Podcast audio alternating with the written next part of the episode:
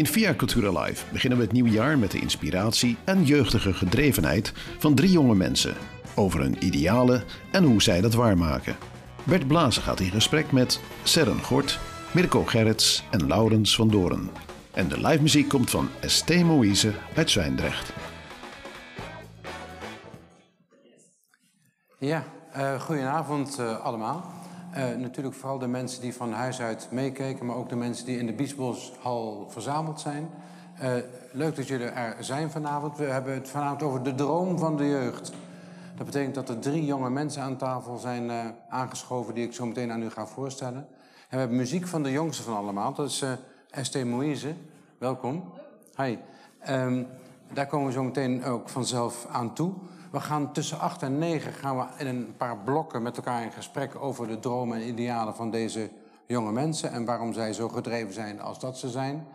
Uh, dat doen we in drie blokken, zei ik, tot 9 uur. En dan hebben we even de pauze waarbij we ook weer naar het nieuws luisteren. En daarna 9 uur, van tot 10 uur, gaan we ook met de mensen in de zaal in gesprek met deze jonge mensen om te kijken of hun ideaal ook resoneert bij hen, uh, bij anderen.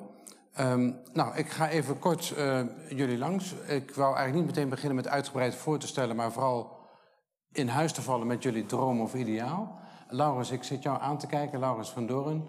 Uh, wil jij eens compact zeggen wat jouw grote of kleine droom is of ideaal waar jij voor staat en waar je nou ja, je gezicht aan geeft, je tijd aan geeft? Ja, nou dat is een hele mooie vraag om het compact te zeggen, want ik, ik heb zoveel dromen en idealen gelijk die opkomen dat ik het idee heb dat, uh, dat ik heel lang over zou kunnen uitweiden. Maar toch heb ik het idee dat, dat we in Nederland um, ja, een, een, paradijs op aarde kunnen maken voor ons allemaal. En dat we allemaal uh, een goed inkomen hebben, gewoon vrij kunnen leven. Dus een beetje de big picture. Bijna utopisch, maar toch wel uh, haalbaar, denk ik. Mooi begrip, de, para de paradijs op aarde. Dat is best een, uh, een groot visioen. Wil je daar eens iets over zeggen, hoe dat zo in jou ontstaan is? Ja, nou als je kijkt hoe, hoeveel, um, hoeveel mogelijkheden er zijn in Nederland op zo'n kleine schaal. Want we zijn natuurlijk maar een klein landje in de wereld. Maar we hebben hele vruchtbare grond, we hebben hele wijze mensen, we hebben een hele krachtig uh, volksgeest. Ik heb toch het idee dat we alle ingrediënten hebben om met z'n allen echt een toonaangevende rol in de wereld te kunnen gaan spelen. Op het gebied van uh, de nieuwe democratie en uh, het nieuwe samenleven als, als wereld zelfs. Oké, en wat, wat, wat, wat, wat, wat doe je daar zelf voor? Want je, je, praat er behoorlijk gedreven over. Wat, wat, wat is jouw aandeel? Ja, nou ja, dit zijn grote idealen, dus je moet het wel proberen een beetje klein te houden om het, om het haalbaar te houden. Maar ik, uh, ik zit bij Code Oranje, een vernieuwingsbeweging die gaat over nieuwe democratie, nieuwe vormen van, uh, van met elkaar omgaan en samenleven. Niet links, niet rechts. Dus daarin beginnen en dan gewoon mensen meekrijgen, die drive. En dan zoveel mogelijk ook van de eigen kracht van mensen uitgaan. Dat iedereen zijn eigen aandeel daarin kan nemen en uh, zijn eigen stukje kan dragen. Oké, en maar, maar, hoe is bij jou zo een beetje gegroeid? Want uh, het paradijs op aarde hoor je niet iedere jonge man of jonge vrouw dagelijks zeggen. Nee, nou, dat, dat is eigenlijk. Terwijl veel mensen pessimistischer worden in deze tijd, word ik eigenlijk steeds optimistischer. Omdat ik zie dat ondanks alle moeilijke dingen die er. Die, die, de uitdagingen die voor ons staan, dat er toch een hele grote drive zit bij mensen om het anders te doen en het beter te doen. En heel veel ondernemerskracht, innovatiekracht. Dus ik heb het idee, um, ja, met z'n allen kunnen we kunnen een heel eind komen, maar dan moeten we soms zelf nog eventjes bij stilstaan om, uh, om die drive vast te houden en niet te denken, het zijn onhaalbare doelen. Dus, uh... Oké, okay, maar nou ben je 23 jaar. Ja. Um, wanneer, voor, wanneer bedacht jij het paradijs op aarde in Nederland? Even, wanneer kwam die gedachte? Nou, ik, ik denk dat, het, dat die gedachte wel op een gegeven moment kwam toen, toen ik um, ja, toen, toen ik een kijkje had genomen bij de Verenigde Naties en echt het hoogste wereldniveau waarop mensen met elkaar overlegden. En toen dacht ik ze van ja, het is wel heel mooi en, en, en fijn dat we op een wereldniveau met elkaar samenwerken. Alleen hoeveel er echt uh, komt is, is maar beperkt. En denk zo, als je klein begint, kleinschalig, op dat moment dacht ik echt zo ja, Nederland heeft die, die, dat, die potentie om, om de toekomst dat in te gaan. En ik, ik was altijd een idealist, maar um, ja, ik denk toch wel je bent bij de Verenigde Naties geweest, begrijp ik? Ja, in de, in de, de afdeling in Genève, dus waar meer de, ja? de kantoren zitten die, uh, die zich op de achtergrond bezighouden. Als jongetje van zes of als jongetje nee, van twaalf? Nee, dat, dat was op mijn uh, negentiende was dat. Okay. Maar ik, ik ben wel heel jong ben ik begonnen met kranten lezen, het nieuws volgen. En, uh, en alles proberen te begrijpen wat er in de wereld om me heen gebeurde. Okay. Om zodoende uh, ja, daar uiteindelijk zelf een actieve bijdrage in te kunnen leveren om dat nog een beetje beter te doen. En wat is je eerstvolgende stap, uh, Laurens, naar dit mooie ideaal van je? Nou, de eerstvolgende stap is. ehm, nou, ik heb al een boek uitgebracht, dus die, die eerste stap heb ik al gezet. Ehm, eh, Dat daar, boek heeft een titel. De Smeltkroes der Ideologieën. En is Smeltkoest der ideologieën. helemaal gratis eh, Ja. verkrijgbaar via het internet, dus eh, er zit geen winstoogmerk Oké, achter. intikken op Google en... Ja, op LinkedIn staat alles en dan kunnen mensen daar nalezen. En dat is eigenlijk het uitgebreide verhaal van al mijn idealen. En, Ja? en het samenbrengen van verschillende zienswijzen. Want dat denk ik dat het ook heel belangrijk is. Dat je niet alleen maar met je drive je eigen eh, verhaal neer wil zetten, maar dat je ook ehm, de verschillende perspectieven gaat verbinden. Omdat iedereen vanuit zijn eigen invalshoek elkaar kan versterken. En niet per se elkaar de tent uit hoeft te strijden. Ik vroeg naar je volgende stap, maar dit was eigenlijk je vorige stap. Dit was de vorige stap, ja. En de volgende stap is eh, met eh, Code Oranje meegedoen in de Provinciale Statenverkiezingen in Zuid-Holland. We gaan ook in Noord-Holland meedoen, maar het is in ieder geval belangrijk dat we ons nu ook ergens gaan vestigen in een, in, een, eh, in een provinciehuis. Oké, want Louis van Gaal heeft het dan over imagineren. hè? Jij ziet jezelf, Ja. jij imagineert jezelf in Provinciale Staten. Ja, dat, dat lijkt me een mooie eer- eerstvolgende stap. En dan eh, dromen we daarna wel weer verder. Maar eh, ja, ik denk toch wel dat we er kunnen komen. Oké, we gaan zo meteen aan de andere vragen wat, er, wat zij ervan vinden, van jouw droom. Of wat ze eraan kunnen bijdragen misschien. Maar we, stap, we doen even een stapje naar jou, Seren. Seren Gort. Ja. Wil jij ook even compact jouw ideaal neerzetten? Want dan kan iedereen eh, meegenieten, misschien wel meedoen. Eh, ja, zeker. Ik wil ehm, wel even vertellen waar mijn ambitie op dit moment ligt. Ehm, ja, ik denk dat ik het beste het kan beschrijven als ehm, dat mijn hart heel erg ligt bij cultuur, ingezoomd op nachtcultuur eh, en vrije tijdsbesteding voor jongeren. Wat is nachtcultuur? Eh, nachtcultuur is eigenlijk alles wat in de nacht plaatsvindt. Dus ehm, uitgaansgelegenheden, maar ook eh, andere dingen die s'nachts gebeuren eigenlijk. Oké, want ik, ik ken dat Rotterdam heeft een nachtburgemeester, hè? of had een Ja. nachtburgemeester. Heb je, ben je ook een soort nachtburgemeester? Of wil je dat zijn? Ik zou dat ooit wel willen worden. Ja?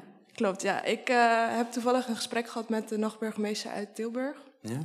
Eh, ik heb zelf voor Rotterdam ook voor het nachtleven al wat projecten gedaan en documentaire gemaakt.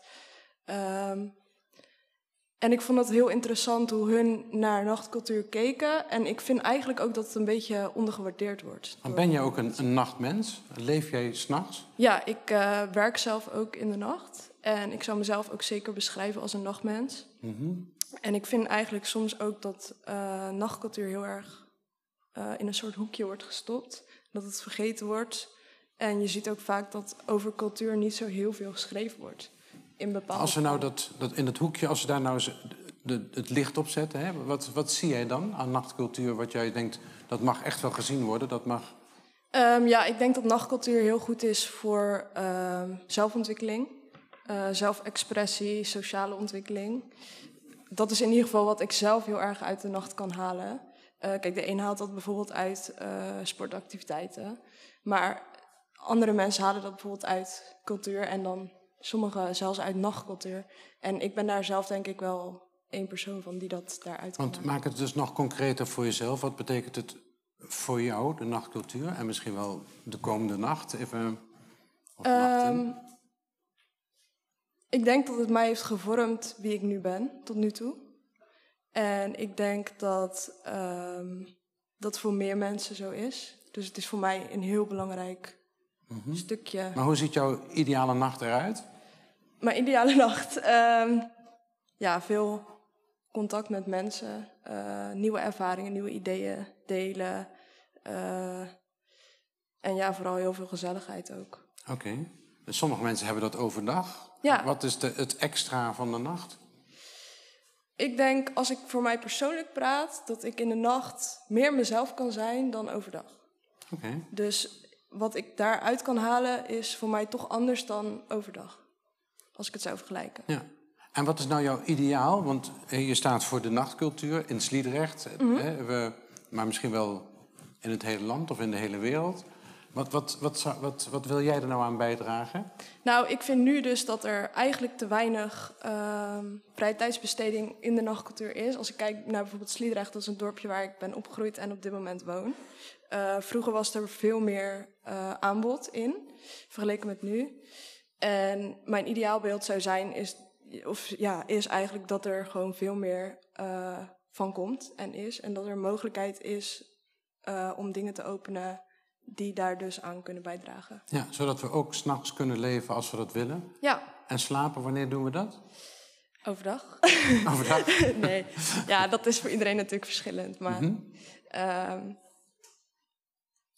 ik, denk- ja, ik denk dat het voor veel mensen toch wel belangrijker is dan dat mensen Ja. denken. Nou vroeg ik aan Laurens, en wat is jouw volgende stap op dit, op dit vlak? Wat, wat ga jij de komende maanden, de komende jaren doen om die nachtcultuur tot bloei te laten komen? Ja, ik wil zelf eigenlijk wel heel graag. eh, ik ben al in gesprek geweest met verschillende mensen uit bijvoorbeeld Sliedrecht, eh, jongeren. eh, ook met de gemeente. Ik heb toevallig iemand gesproken uit de gemeenteraad van Sliedrecht. Wat ze eigenlijk over jongeren doen. En ook daardoor daar eigenlijk uitgehaald van ehm, wat ze dus op het gebied van nachtcultuur voor jongeren doen. En dat is dus niet heel erg veel in mijn Ja. opzicht. Ehm, dus ik zou dat eigenlijk graag voort willen zetten. Die gesprekken aangaan met mensen, contact leggen. Eh, ook zou ik met organisaties in gesprek willen gaan. Zoals bijvoorbeeld een stichting Open Jeugdwerk. Dat doet eh, jongerenwerk voor Sliedrecht ook. Oké. Nou, we gaan straks kijken wat je ervoor nodig hebt. Hè? Want wellicht zijn er ook mensen die kijken en die denken... hé, hey, we gaan Serena help, een handje helpen. Eh, maar voor nu, ehm, nou, we komen zo meteen bij jou... want jij bent ook al een stukje nachtcultuur, denk ik. Alhoewel soms misschien, hè, komen we op terug. Maar even het rondje langs eh, afmakend, Mirko. Eh, de volgende jongere met een ideaal, met een droom. Wat, even compact neerzetten. Waar, waar, waar zit jouw drive, Nou ja, visioen? Ik, ik denk dat mijn idealen al een beetje bedekt zijn eh, met de, de grijze sluier der realiteit. Als ik het zo eens mogen omschrijven. Dat is mysterieus, of niet? Dat is, ja, nou ja, wa- wa- wat ik daarmee bedoel te zeggen. Ik, ik vond het verhaal van, van Laurens heel mooi. Hè, over, over je wil natuurlijk toewerken naar het paradijs. Volgens mij, wie, wie wil dat nou niet? Is, is dan eigenlijk mijn vraag. Maar ik, ik heb zelf gezien dat er zoveel fundamenteel verschillende ideeën bestaan. En, en verschillende eh, gedachtegoeden zijn. Waarvan ik me afvraag: van, ja, is, dat, is dat te combineren? Dus ik, ik zou mijn ideaal omschrijven als het. het, het ik zou, ik zou willen bewerkstelligen dat die optimaal naast elkaar kunnen bestaan. Dat zou ik heel mooi vinden.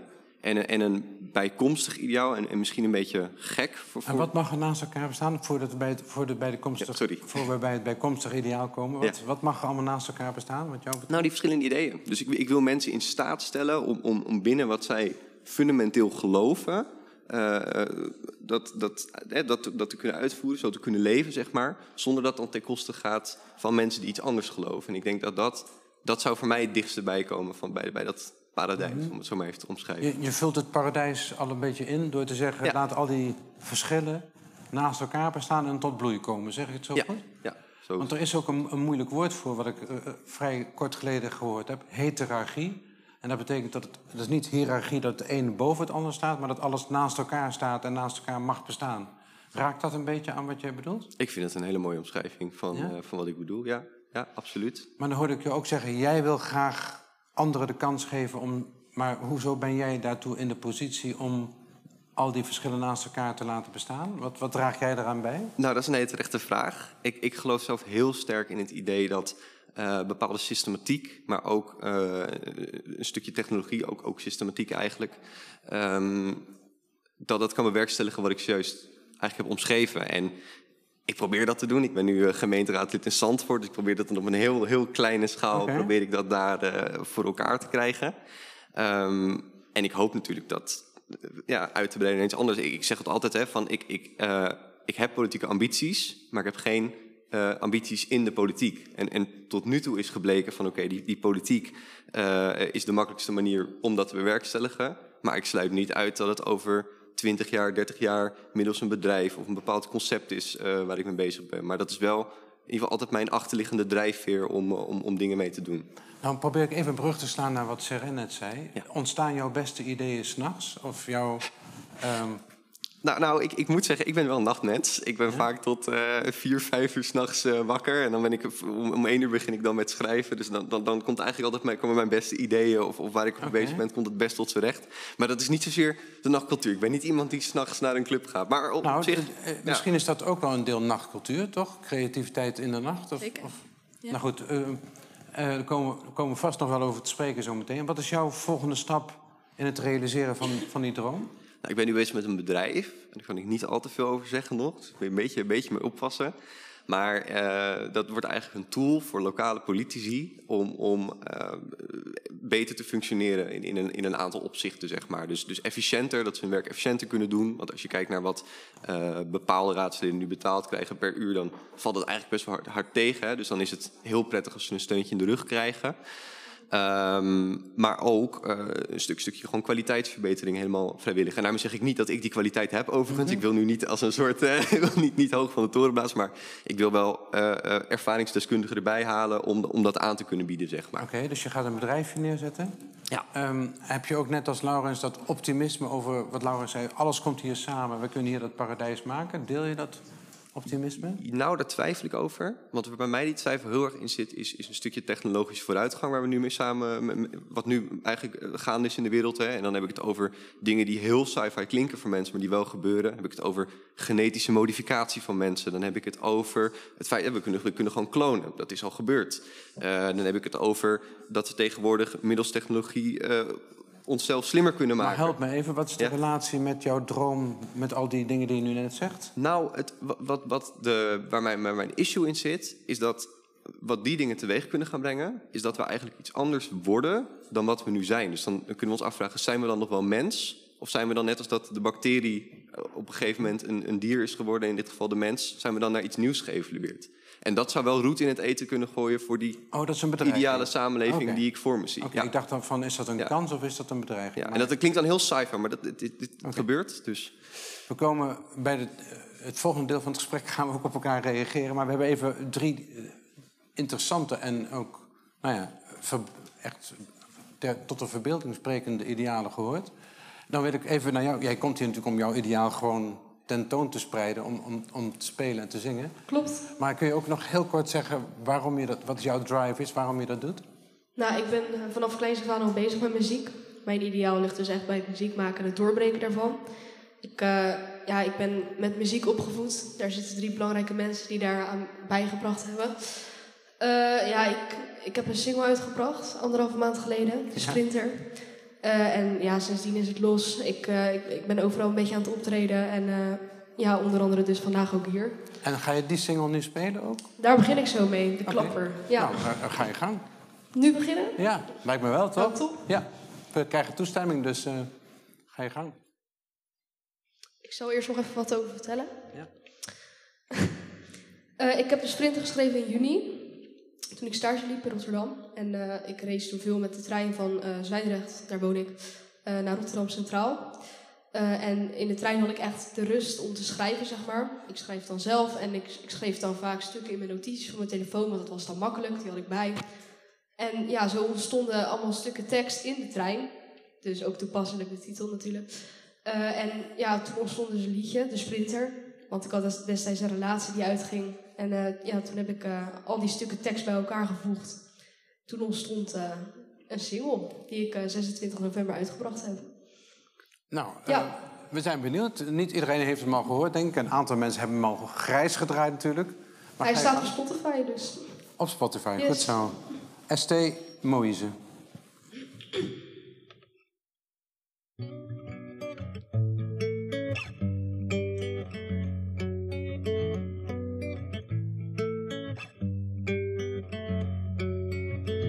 Reizen geeft een gevoel.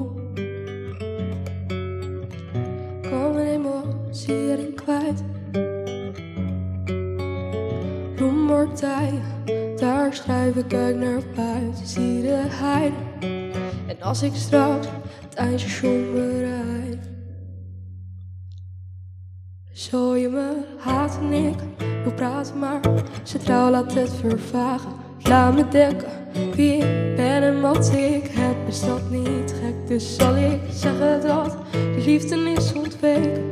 Alleen zijn is een prijs voor mij, de stad raast langzaam niks voorbij. Ik denk dat ik nog even met je wacht. Ben ik zeker, stap de trein in en blijf ik denken tot half twee vannacht. Dan kom ik met een plan, ik weet niet wat je vindt, maar mijn reis geeft mijn gezicht. Breng me dichter bij mezelf, dus spring er mijn gedachten uit en ik.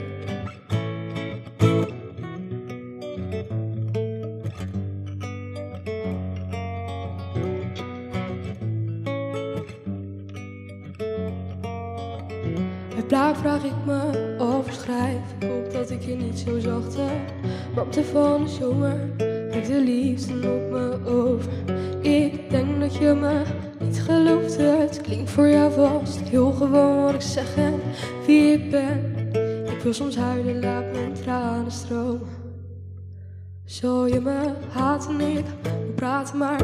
Centraal laat het voor me laat me denken wie ik ben en wat ik heb. Is dat niet gek? Dus zal ik zeggen dat de liefde is ontweken.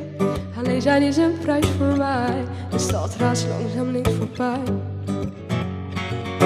Denk dat ik nog even met je wacht. Ben ik zeker, stap de trein in en blijf ik denken tot half twee vannacht. Dan kom ik met een plan, ik weet niet wat je vindt, maar mijn reis geeft mijn gedachten een gezicht. Breng me dichter bij mezelf, de spintermijn, gedachten jij en ik.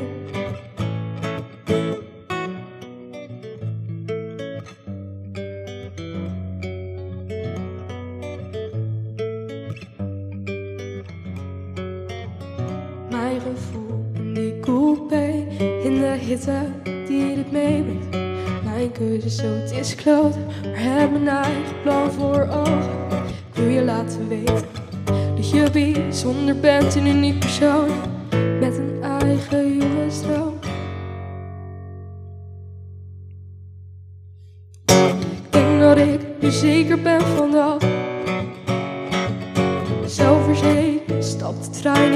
blijft daar zitten tot half twee vanaf.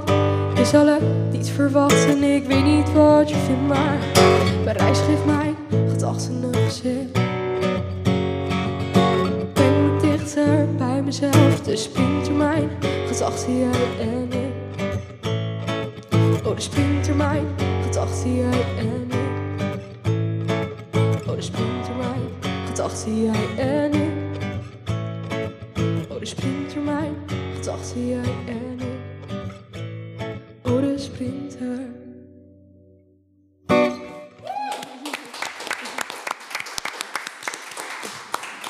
Dankjewel.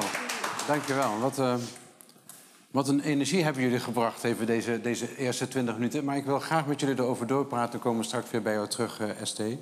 Je zorgt steeds voor, de, voor, de, voor de, hè, dat, het, dat er strikje omheen gaat. Ehm, we hebben het, het ideaal van Laurens. Wil ik even met, door de andere twee eh, laten nou ja, bespiegelen. Daarop bespiegelen. Eh, Laurens had het over de smeltkroes der ideologieën. Hè? Groot woord, paradijs op aarde, ook groot, maar heeft het best concreet toegelicht. Wat, wat, wat roept het bij je op, Seren, als, als je Laurens dat hoort zeggen? Ehm, ja, ten eerste vind ik het een heel mooi ideaal beeld van hoe je het voor je ziet. Ehm, ik vind het wel een soort last. Ja, het lijkt me lastig om dat te bereiken. Ik vraag me heel erg af hoe je dat gaat doen, zeg maar. Heb je ook een, een tip hoe je het zou kunnen doen? Of, is, of, of vraag ik je nou te veel? Ehm, Mag je ook best even na- over nadenken hoor. ja, ik denk dat ik daar even over Ja. na moet zeggen. Maar en als je nou het tegendeel van een tip, heb je ook een zorg waardoor het Laurens niet gaat lukken? Dat kan, mag ook. Ehm, Want je zegt ja, het is best nou, dan lastig. heb ik eigenlijk wel een vraag voor Laurens zelf. Ja? Dat, dat wilde ik eigenlijk al vragen aan hem. Van, heb je zelf niet eh, zoiets van dat, hij, dat je zelf bang bent dat er dus iets is, waardoor dat dus niet echt haalbaar is? Zeg. Oké, het balletje wordt even teruggespeeld. Heel goed. Laurens, waarom zou het niet haalbaar zijn? Waarom zou het niet haalbaar zijn? Nou, ik denk in ieder geval als, als het geloof er niet is, dan, dan is al weinig haalbaar. Want dat zie je ook eh, bij sporters. eh, als, als ze, ze weten dat de kans dat ze goud gaan winnen klein is. Maar omdat ze voor die Olympische droom gaan, hebben ze elke keer de drive om zich in te zetten en die kleine stapjes eraan te werken. En jij hebt die drive? Ja, maar ik denk heel veel mensen met mij. Ik denk dat ik daar niet uniek in ben. Ik denk dat we zeker, zeker in deze generatie eh, heel veel activistische mensen hebben die, die uitgesproken meningen hebben en ook wel verstand van zaken met hoe ze het op moeten lossen. En als daar een mooie dynamiek ontstaat tussen de al wat oudere, gemeleerdere mensen die misschien iets meer in de conservatieve hoek zitten, dat het op die manier een mooi samenspel kan zijn. Dus ik denk dat, dat de wilskracht de Maar dan zegt Seren net van, nou ja, is Laurens daar niet een beetje te optimistisch in? Eh, lukt dat allemaal wel, toch? Seren, zeg ik het goed? Ja, ik, ik vraag het me af. Als in. Ja. Of, of hij daar zelf bang voor zou kunnen zijn. Maar het klinkt van niet. Dus Ja, en ik, ik denk daar nog even kort aan toevoegend. Eh, als je er niet zulke harde deadlines aan stelt, zoals vaak gebeurt van 2030 of 2050, moeten we al onze doelstellingen gehaald hebben. Als het, als het met realistische stapjes gaat, maar wel een goed vergezicht, dan. Ik zeg ook niet dat het er, dat het er overmorgen is, maar ik denk toch dat we wel in de, in de staat van doen zijn dat we toch wel sneller nieuwe stappen kunnen maken. Maar wel eh, om de bal weer een beetje in de meerkoor te spelen. Er zijn belangrijke ontwikkelingen gaande die ons misschien nog verder van onze menselijkheid afbrengt. Daar moeten we wel voor waken in de tijd dat iedereen vooral dat stukje menselijkheid wil voelen. Dat, dat stukje verbondenheid met elkaar. Is dat ook, Mirko, wat jij als risico ziet voor het ideaal van Laurens? Dat is het, ja. Ja, want Ja? eigen- eigenlijk sluit ik me aan bij, eh, bij het, het, het idee van dat, van dat paradijs. De, de vraag is vooral, is het haalbaar? En daar ben ik dan misschien bijna te, te realistisch voor om, om dat dan al op te werpen. Maar het is een ideaal, dus wat dat betreft heb je helemaal gelijk. Nou ja. ik, ik hoorde laatst ook iemand zeggen, dat vond ik een hele mooie quote. Die zei van ja, het, het gaat niet zomaar vanzelf goed, maar het gaat wel zomaar vanzelf fout. En ik denk ook juist dat het daarom heel belangrijk is, dat, dat, wat Laurens ook heel terecht zegt, dat er wel mensen zijn, en ik probeer dat ook altijd te doen hoor. Gewoon van, ga voor goud, ga voor eh, het maximaal haalbare. En, en als je dan wat minder haalt, maar het is nog steeds heel positief, dan ja, waar- waarom niet, weet je?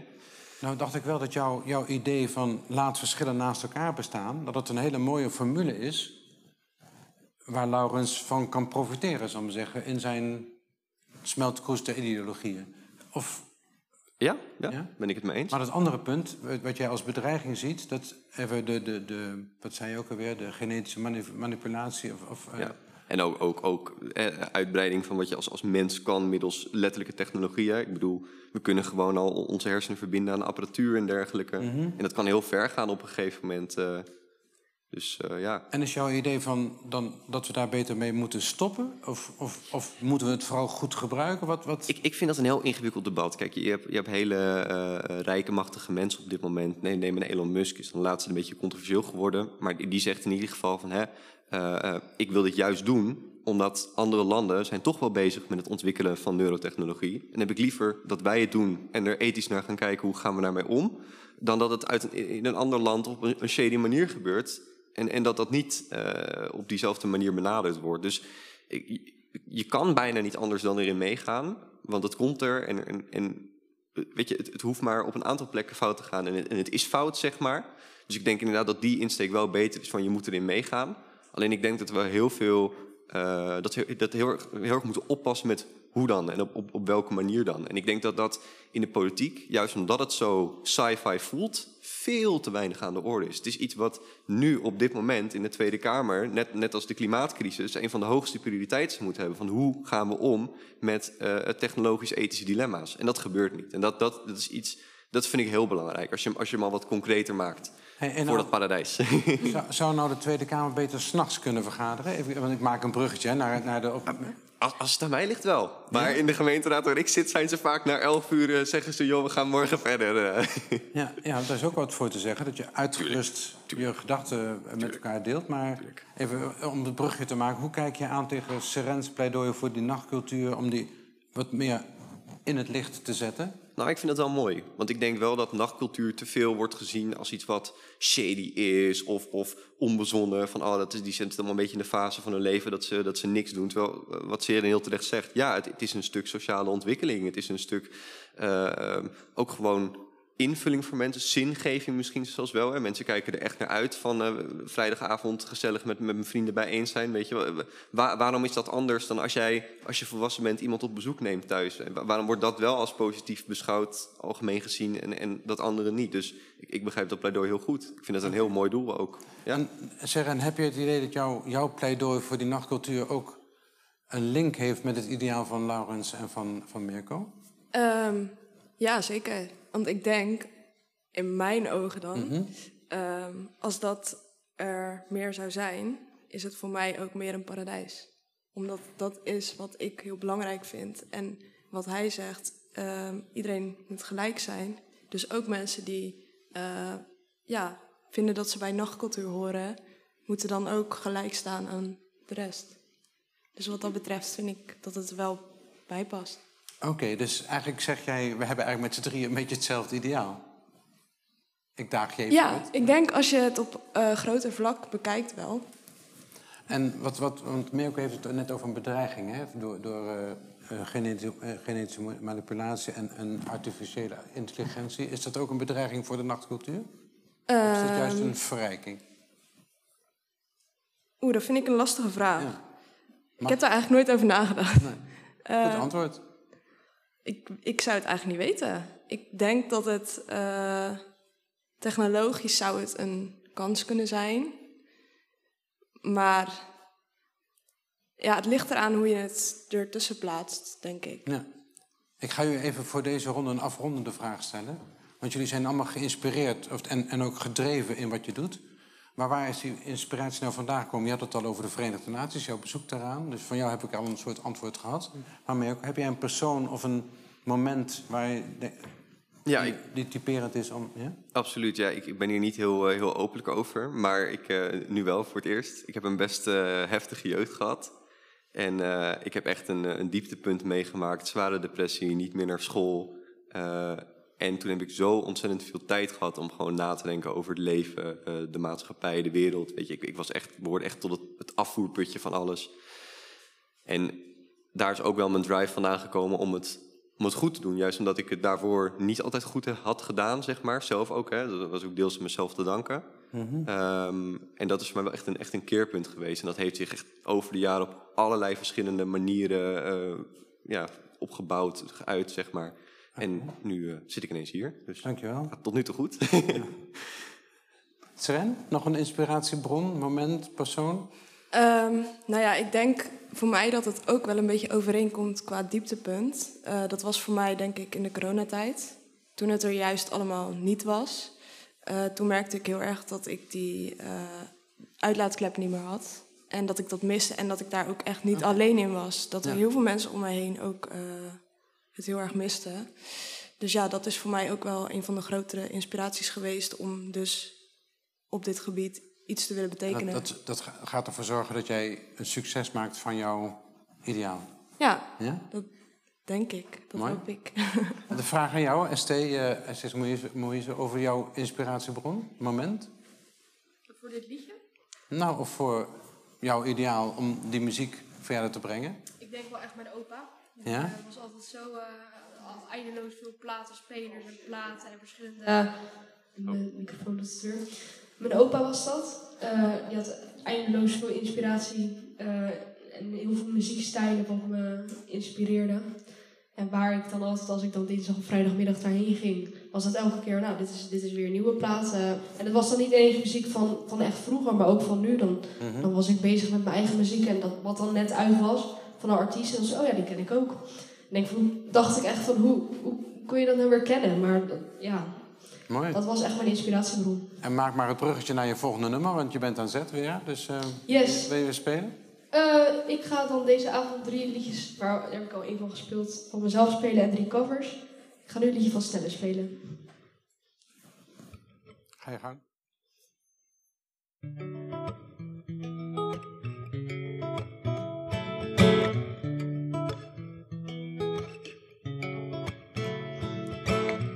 Dames en heren, pen en neer, schrijf je laatste zin of ik niet, ik wil meer. Ik zit achter, wachten op de bel en ik ga rennen naar huis. En ik heb honderden ideeën en die moeten eruit.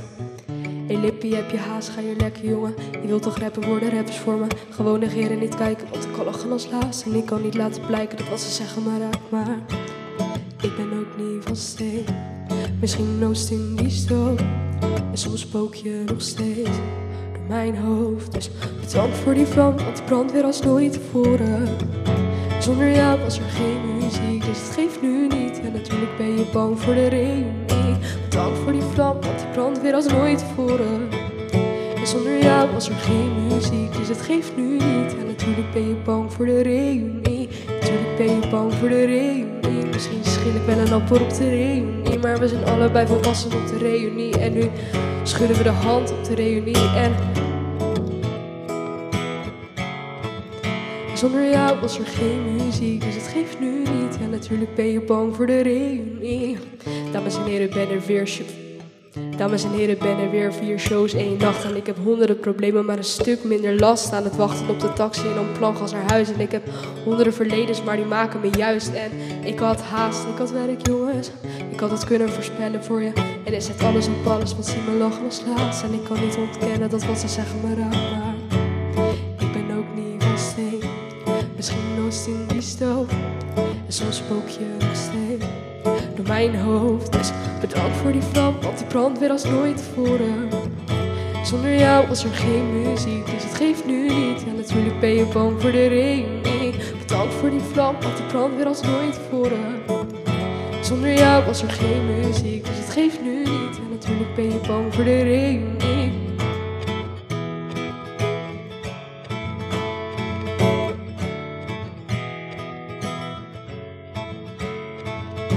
Bedankt voor die vlam, want die brandt weer als nooit tevoren. Zonder jou was er geen muziek, dus het geeft nu niet. Ja, natuurlijk ben je bang voor de reunie. Bedankt voor die vlam, want die brandt weer als nooit tevoren. Zonder jou was er geen muziek, dus het geeft nu niet. En natuurlijk ben je bang voor de reunie.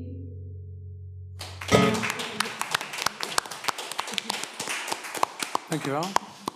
We pakken de draad weer op eh, aan deze kant van de tafel. Ik ga jullie zo meteen ook de kans geven om een soort van reclamespotje... of eigenlijk een oproep te doen van wat heb je nou nodig om dat ideaal te bereiken.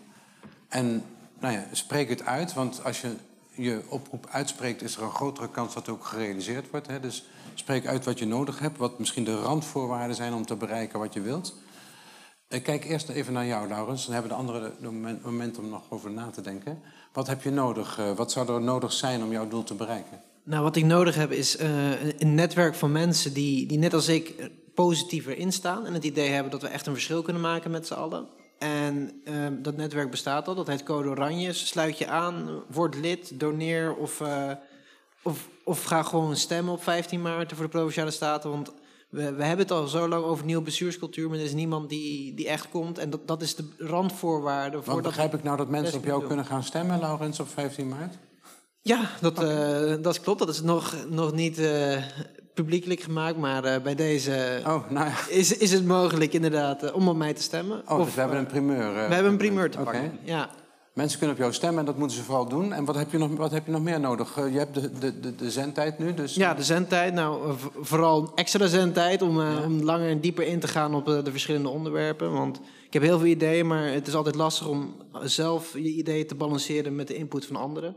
Dus daarom zeg ik, kom vooral meedenken, schrijf ons aan. Het kan heel laagdrempelig zijn. Al heb je ergens een idee over, stuur het en wij, wij zorgen dat, dat er iets mee gedaan wordt. in, in, in Drechtstede, maar in Zuid-Holland wil je die beweging van Ja. de smeltkoes der culturen... of der, der, der ideologieën wil je waarmaken, die, die, dat paradijs op aarde. Ja, precies. Nou, die wil niet meedoen, En die, ja. en die veelzijdigheid combineren. Dus niet alleen maar in, in kampen tegenover elkaar staan, maar juist elkaar de, de olijftak toereiken en zeggen: we gaan nu samenwerken. Niet meer links-rechts denken, vooruit, achteruit, pro-life, pro. Wat, gewoon iedereen moet er samen voor gaan. En eh, vanuit een humanistisch of vanuit het, het, het, het gevoel dat we allemaal mensen zijn, dus daarom eh, niet uitmaken welke kant we staan, als we maar samenwerken.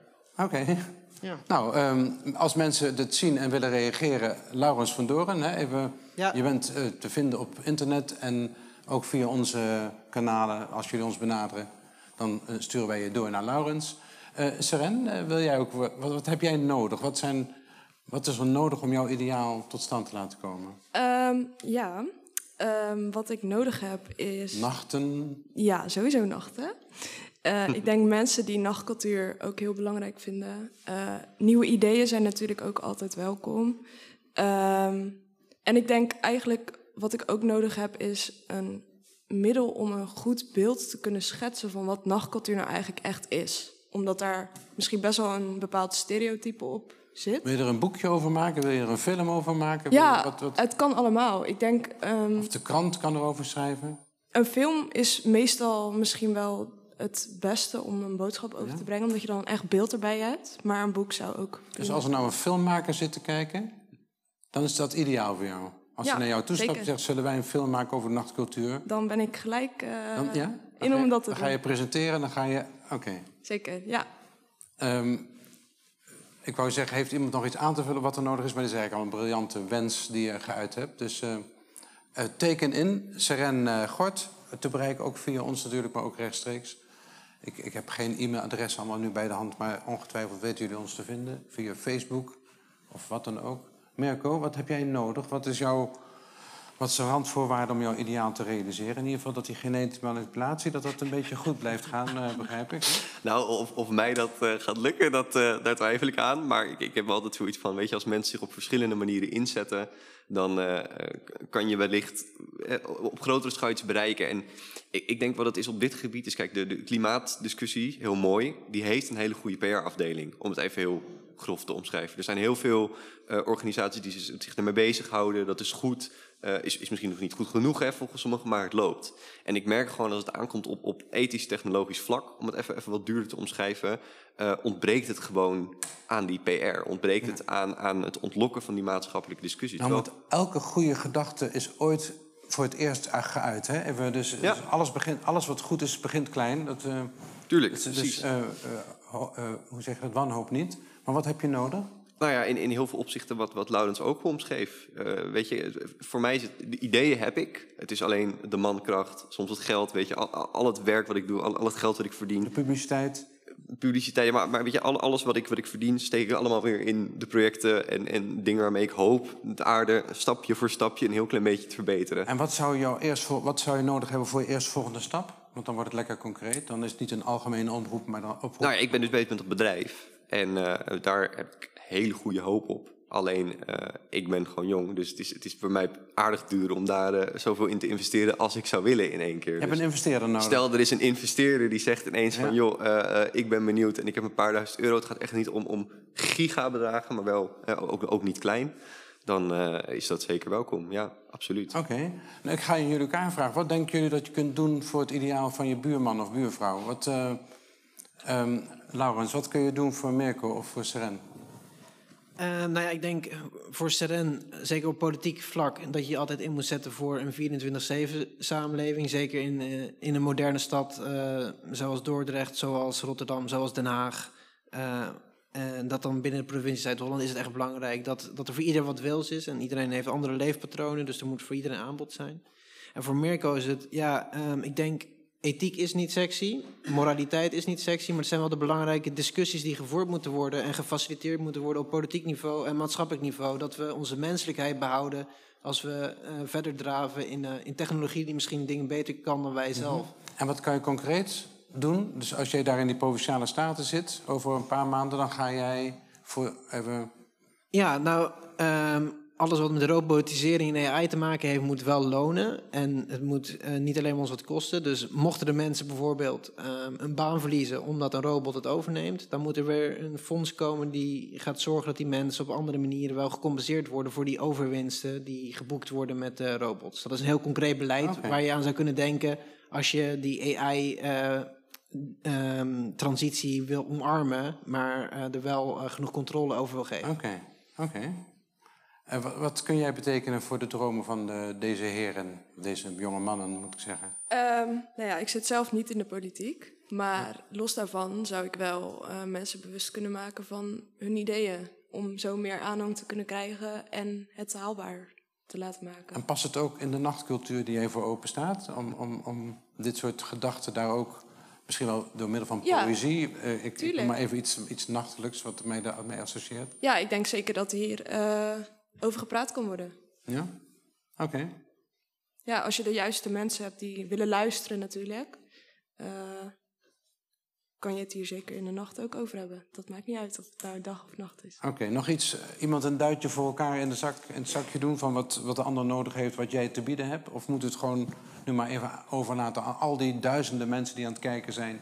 en die ons zelf zo meteen massaal gaan mailen en twitteren en weet ik het allemaal? Nou, nou wat, wat ik nog wel wilde toevoegen is, uh, is in het geval van, van wat Laurens zei... Is, ik ben het eens wat je zegt, maar ik denk dat het mij ook vooral gaat om een stukje zingeving. Kijk, financiën kan je kan je bieden aan mensen, dat is vaak makkelijk. Maar is iemand nog wel gelukkig als iemand zijn baan verliest aan iets waar diegene bijvoorbeeld voor heeft gestudeerd en voor heeft gewerkt? Dus een, een voorstel waar ik provinciaal, als ik, als ik jou dan mag helpen met mijn eigen voorstel voor zou zijn, is wel dat je zegt van hé, hey, kunnen we niet uh, een ambtenaar aanstellen die gaat kijken naar wat de ontwikkelingen zijn op, op technologisch gebied.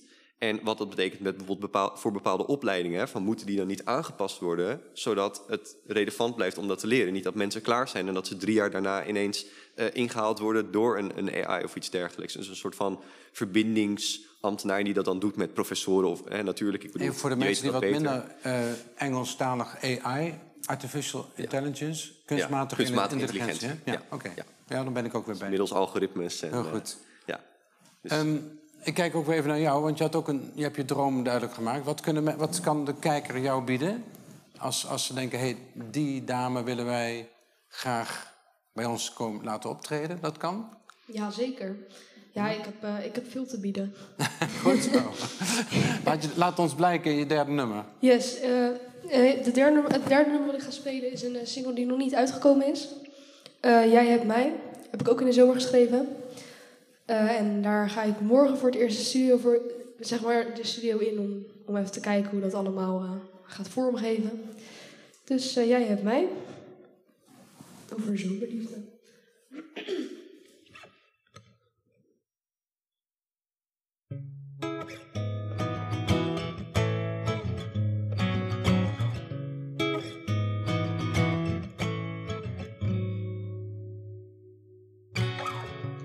In het donker middernacht vond ik de liefde.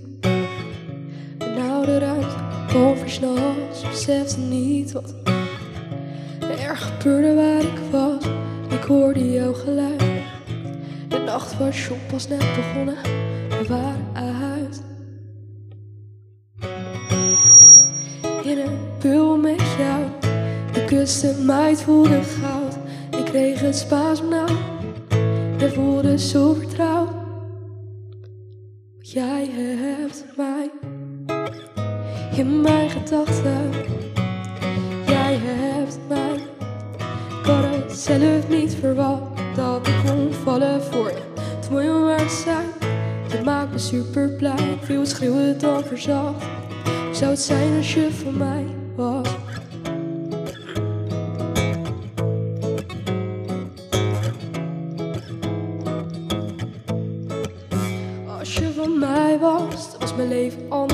gevoel heb je dat nu al best veranderd. Die avond in de club was dat wel verstandig. Aan de wijn als water, hoe je naar me lachte.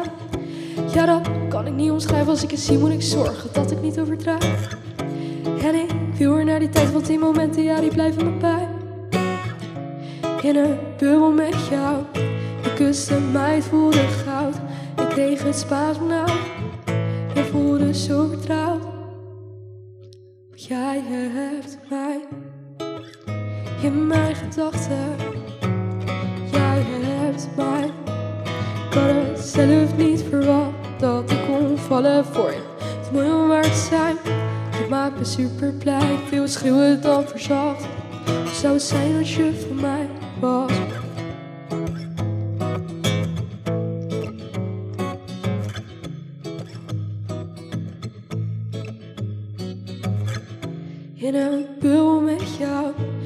Kuste mij, het voelde goud. Ik kreeg het spaas nou. Voelde zo vertrouwd. Jij hebt mij in mijn gedachten. Jij hebt mij. Ik had het zelf niet verwacht dat ik kon vallen voor je. Het is mooi om waar te zijn. Maakt me super blij. Veel schreeuwen dan verzacht. Zou het zijn als je voor mij was.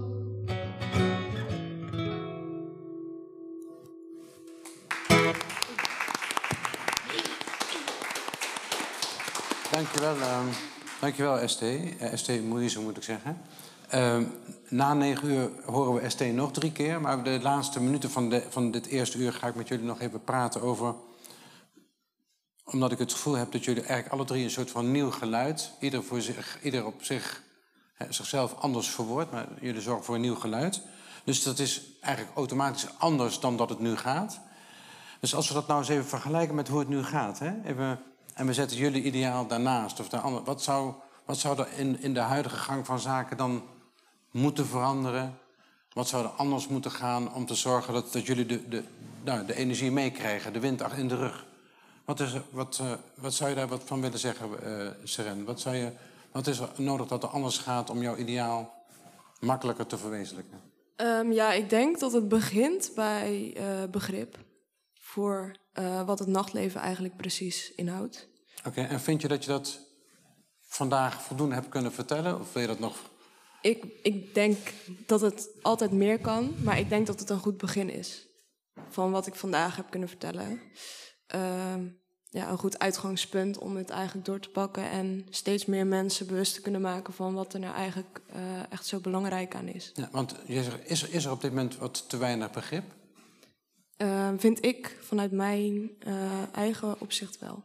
En waar merk je dat door? Dat er, dat, dat er niet voldoende begrip is voor de nachtcultuur, voor het nachtleven? Uh, ik denk sowieso het aanbod. Dus hoeveel er eigenlijk is en hoeveel er ook uit aan het sterven is. Als je kijkt naar bijvoorbeeld Sliedrecht, vergeleken met vroeger. Nu zijn er nog maar, denk drie kroegen. En vroeger was dat veel meer. Uh, maar ook als je kijkt naar bijvoorbeeld een stad als Rotterdam. Uh, het uitgaansleven bloeide daar vroeger ook een stuk meer dan nu. En denk je dat het allemaal door corona... Uh, nee, ik denk, eerlijk gezegd, denk dat het daarvoor al wel minder was. Maar dat corona het natuurlijk door die hele stop het mm -hmm. wel versneld heeft om het dan eigenlijk nog meer te laten. Nou heb ik altijd geleerd dat als je iets wil veranderen, dan moet je niet wachten tot een ander begint, maar er zelf mee beginnen. Hè? Ja. Ik zie je ook meteen knikken. Dus jij, jij vindt ook dat jongeren dan zelf maar het heft in handen moeten nemen en dat nachtleven een impuls moeten geven? Ja. Ja? Ja, dat denk ik wel dat dat de beste manier is. Oké, okay, en als ze dat willen doen, dan moeten ze jou bellen, jou twitteren, jou uh, opzoeken. Dan ja, ga je het samen doen. En dan liefst in Sliedrecht of wil je het um, over de place uh, helpen opzetten? Ja, ik woon nu in Sliedrecht. Sliedrecht is ook mijn geboorteplaats. Dus ik vind Sliedrecht heel mooi als ik daar überhaupt al iets kan bereiken. Ja, Zandvoort. Maar het liefst natuurlijk groter dan Sliedrecht. Oké. Okay. Ja. Of Rotterdam, waar jij uh, woont, ja. Laurens. Wat, is Rotterdam, wat moet er in Rotterdam anders gaan? Wil jouw ideaal de wind in de rug krijgen? Nou, ik denk dat het eigenlijk in Rotterdam al best goed gaat. En dat het een positieve uitzondering is voor uh, heel veel plekken in Nederland. Want dus we Rotterdam hebben... is al een paradijs op aarde? Nou, het, het, het, het heeft zijn mooie kanten en zijn wel minder charmante kanten, om het zo maar even te zeggen. Maar ik denk toch wel dat, dat, ja? dat we zien dat er veel meer saamhorigheid is in de stad dan eerder. Mensen voelen zich Rotterdammer. Het gaat niet over waar kom je vandaan, Turk, Marokkaan, Nederlander. Dat, dat verschil is er minder. Het gaat meer om we zijn Rotterdammers, dus we doen het samen. En ik denk dat heel veel bewustwording al heel veel uh, aan het groeien is onder de maatschappij. Iedereen weet dat het niet goed gaat. Maar ze moeten alleen nog kiezen voor een echt alternatief. Wat, wat niet weer mensen gaat beloven dat het allemaal beter wordt als ze achter hun aanlopen. En dan weer als een oude partij uh, spelen. Maar dat we echt met elkaar de handen ineens staan en onze eigen systemen opzetten. Dat, dat we een echte democratie kunnen hebben, een echt land. En, en, en die drive zit er, die, die wil zit er, de, de bewustwording zit er, nu gaat het om samenwerken. Alleen we moeten niet meer voor machtspolitiek kiezen, zeg je dat? Nee, dus dan het is heel raar om te zeggen, kies niet voor machtspolitiek, maar stem op mij. Maar, maar toch is het wel zo dat, dat ik denk van, als je op mij stemt, dan, dan ga ik zorgen dat er structuren komen, dat je ook jezelf inbreng hebt. Ik heb zelf het concept van de Derde Kamer opgezet, een officieel instituut wat een toevoeging kan zijn aan de parlementaire democratie om uh, meer aanbeveling te doen vanuit de maatschappij. Ja. Staat ook allemaal in mijn boek beschreven, heb ik uh, ook eerder een interview over gegeven, is allemaal te vinden online. En uh, ja, ik ga er graag ook gesprekken aan met Want jij, met, jij zegt, ik, ik ga het anders doen dan dat we gewend zijn. Zeg je dat? Ja, ik, maar in de ik zit ook een wij. Want het, ja. het kan niet alleen maar in mijn eentje gebeuren. we hebben een, een, brede beweging achter ons staan. Er zijn heel veel mensen die, die hetzelfde denken. Alleen het is nu nog eventjes de de, de missing links slaan ja, tussen. Er gebeurt best mensen. vaak toch nog dingen zoals we gewend zijn dat het gaat. Maar jij zegt dat Ja. er is een, een, een beweging in de samenleving. Ja, en ik denk de makkelijkste manier om het af te dwingen is met transparantie. En je kan altijd je vraag stellen hoe ver moet je gaan? Moet je ook transparant gaan formeren en dat soort dingen? En dat, dat brengt mensen in de positie dat ze denken zo... oh, nu moet ik uh, alle kaarten gelijk op tafel leggen. Transparant formeren, wat, wat misschien best, is dat voor jou een vanzelfsprekend. Nee, maar wat is dat? Wat is... Ja, nou ja, dat, dat is gewoon dat, dat we echt kunnen inzicht krijgen... in wat er wordt besproken, wat er wordt afgesproken... wat er wordt uitgeruild. Dat we met, met z'n allen een, een maatschappijbreed gedragen uh, plan maken... voor de komende vier jaar of de komende acht jaar of wat dan ook. Maar dat het niet meer gaat over ouderwets uit te ruilen van een beetje van mij, een beetje van jou. En dan okay. houden we samen de rest eronder. Oké, okay. nou ja, ik vind dat je het helder vertelt. En nu nog uh, die wind meekrijgen, Laurens. Ja. Um, ik, ik, kom even bij jou. Um, wat, wat hindert, wat is de oude structuren, wat, wat, hinderen ze om het te doen zoals jij Nou, we, moeten, willen. we moeten focussen op wat we wel willen in plaats van te focussen op wat we niet willen. En een, en een heel perfect voorbeeld dat al heel lang rondgaat is het hele idee van hè, de, de rijken worden rijker, de armen worden armer en dat dat slecht is. Nee, zeg ik, dat is niet slecht. De armen moeten gewoon niet armer worden. Maar dat de rijken rijker worden is alleen maar eh, met een stok willen slaan van oh jullie zijn de schuldigen zeg maar. En dat is een, een heel eh, eh, mooi voorbeeld dat je heel vaak hoort van iets wat in mijn ogen systematisch misgaat in de politiek. En dus dat, dat je je afzet tegen iets wat je niet wilt... in plaats van dat je inzet voor wat je wel wilt? Ja, dat. Oké. Dus zorg er gewoon voor dat mensen die onderaan de ladder zijn, een, een mooi bestaan hebben, goed kunnen leven, dat die er ook wel op vooruit gaan. En als de bovenklasse er dan verder op vooruit gaat, zo so be it. Maar focus je daar niet op. Focus je op, op die onderklasse. En dat zie ik heel vaak in de politiek. Hè, van het, het, het willen, willen ja, eigenlijk het naar beneden willen halen van, van mensen die te goed gaan. Hè. En, en misschien dat de, de redenen daarachter goed zijn, eh, de, de, de intenties. Maar ehm, het, het is niet de manier om het probleem op te lossen. en ik denk en- dat het En hoe gaan we zorgen dat de mensen die het wat minder hebben... wat meer kunnen krijgen? Wat, wat, wat is jouw idee daarbij? Ja, het, is, het is niet een heel uniek idee, maar ik ben zelf wel heel sterk voor het basisinkomen. Omdat in landen waar dat op dit moment gebeurt, eh, zie je gewoon dat dat eh, enorm helpt. En mensen krijgen dan, eh, krijgen, hebben dan ook de rust en de ruimte om bijvoorbeeld te gaan werken. Omdat ze niet constant eh, paycheck to, to paycheck leven, zeg maar. En, en moeten inrichten van, oké, hoe, hoe kan ik overleven? Want wat, ze uit die stand? wat is een basisinkomen? Een basisinkomen is, is, is een, een, vast bedrag per maand wat mensen gestort krijgen, wa- waardoor zij gewoon een, een bestaan kunnen lijf- eh, leiden wat, wat menselijk is. Eh, daar komt het eigenlijk op neer. Oké. En daar zit niks aan verbonden. Er wordt niet gezegd van je moet het zo of, of zo uitgeven. Dat doen ze in Scandinavië en dat werkt daar heel goed. Dus ik zou zeggen, waarom in, in Nederland En er niet? zijn landen waar dat gebeurt? Ja, ja, ja in, in Noorwegen en, en dergelijke gebeurt dat momenteel. Dus Oké. Dus dat is zomaar een oplossing die jij denkt... nou, dan hebben we dat probleem ja, opgelost. absoluut. Laurens, wat vind je ervan? ambitieus, maar ik, eh, ik denk dat we, dat we zeker op heel veel punten ja, elkaar wel kunnen vinden. En ehm, ja, dat we mooie stappen kunnen gaan zetten. Want, Seren, is een basisinkomen goed voor het nachtleven? Eh, Wat een vraag, hè? ja. Weet ik eigenlijk niet. Dat snap ik. Ik zou het zelf ook niet weten. We gaan eh, na negen uur eh, verder.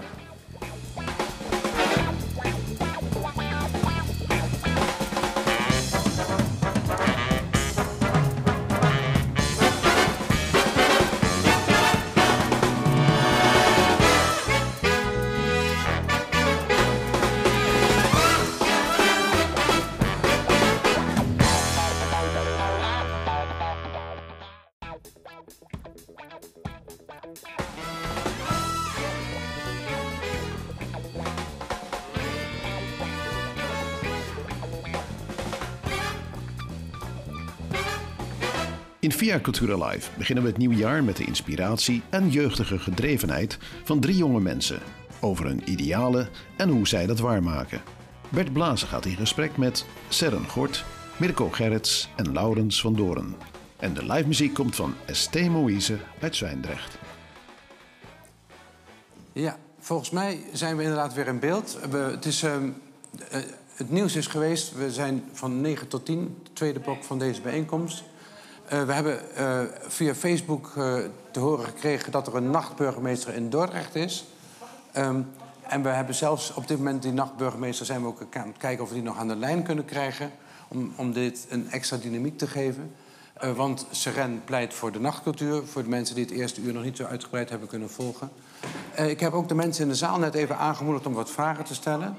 Dus ik ga, ik ga kijken of er vanuit de zaal wat opmerkingen zijn die ofwel aan Seren of aan Laurens of aan Mirko gesteld gaan worden. Even kijken of er iemand zie opstaan. Ja, ik zie een mevrouw. Stelt u zichzelf ook even voor. Eh, ja, ik ben eh eh Natasja van de moeder van ST. En ehm, ik vind het heel leuk om te horen, de idealen te horen van de drie die aan tafel zitten. En ik ben zelf wel benieuwd of dat eh, bij jullie alle drie al, ook al ontstaan is toen jullie jong waren, ook van huis uit. Dat jullie ouders ook al eh, eh, dit soort dingen deden. Of, dus eigenlijk voor alle drie dezelfde vraag. Ja, je bent benieuwd naar de rol van de ouders, de invloed van de ouders Ja, en, hierop, hè? Ja, eigenlijk. Ja. We gaan een rondje maken. Wat is de invloed of de rol of hè, wat hebben jullie ouders daar wel of niet in betekend? Ehm ST, eerst even aan jou, want het is jouw moeder die die vraag stelt. Wat hebben de ouders betekend? Ja, dan moet je natuurlijk ehm, over je ouders gaan praten terwijl ze erbij zijn. Maar eh, hoe zit het voor jou? Ga ik zo meteen de drie anderen het woord laten. Ja, zoals ik net al zei, mijn opa heeft natuurlijk veel betekend. Maar daarnaast mijn moeder evenveel. Die is ook altijd met muziek bezig. Ze speelt piano. Ze zegt zelf van niet, maar ik vind dat ze goed kan spelen. En is die opa ook de vader van je moeder? Ja, dat is de vader van, eh, van mijn Ja. moeder. Ja. Eh, en ja, dat, eh, dat, dat brengt, en mijn tante ook, die speelt ook gitaar. En al, al dat bij elkaar, dat brengt zoveel bij. En dat inspireerde me zoveel dat ik dacht van, ik wil hier echt wat mee doen. Dus ja, tuurlijk, het is ook wel iets vanuit mezelf. En van, uit- vanuit invloeden van, van, van school of online. Maar ja, familie, dat brengt zoveel bij. Oké. Ja. Nou, dat antwoord zal vast niet helemaal onverwacht zijn van S- ST. Maar Mirko, hoe zit het bij jou? Wat, wat... Nou ja, mijn, mijn moeder moet absoluut niks hebben van, eh, van politiek of, of ook maar iets wat, eh, wat met de media of wat, wat dan ook te maken heeft. Dus eh, absoluut niet.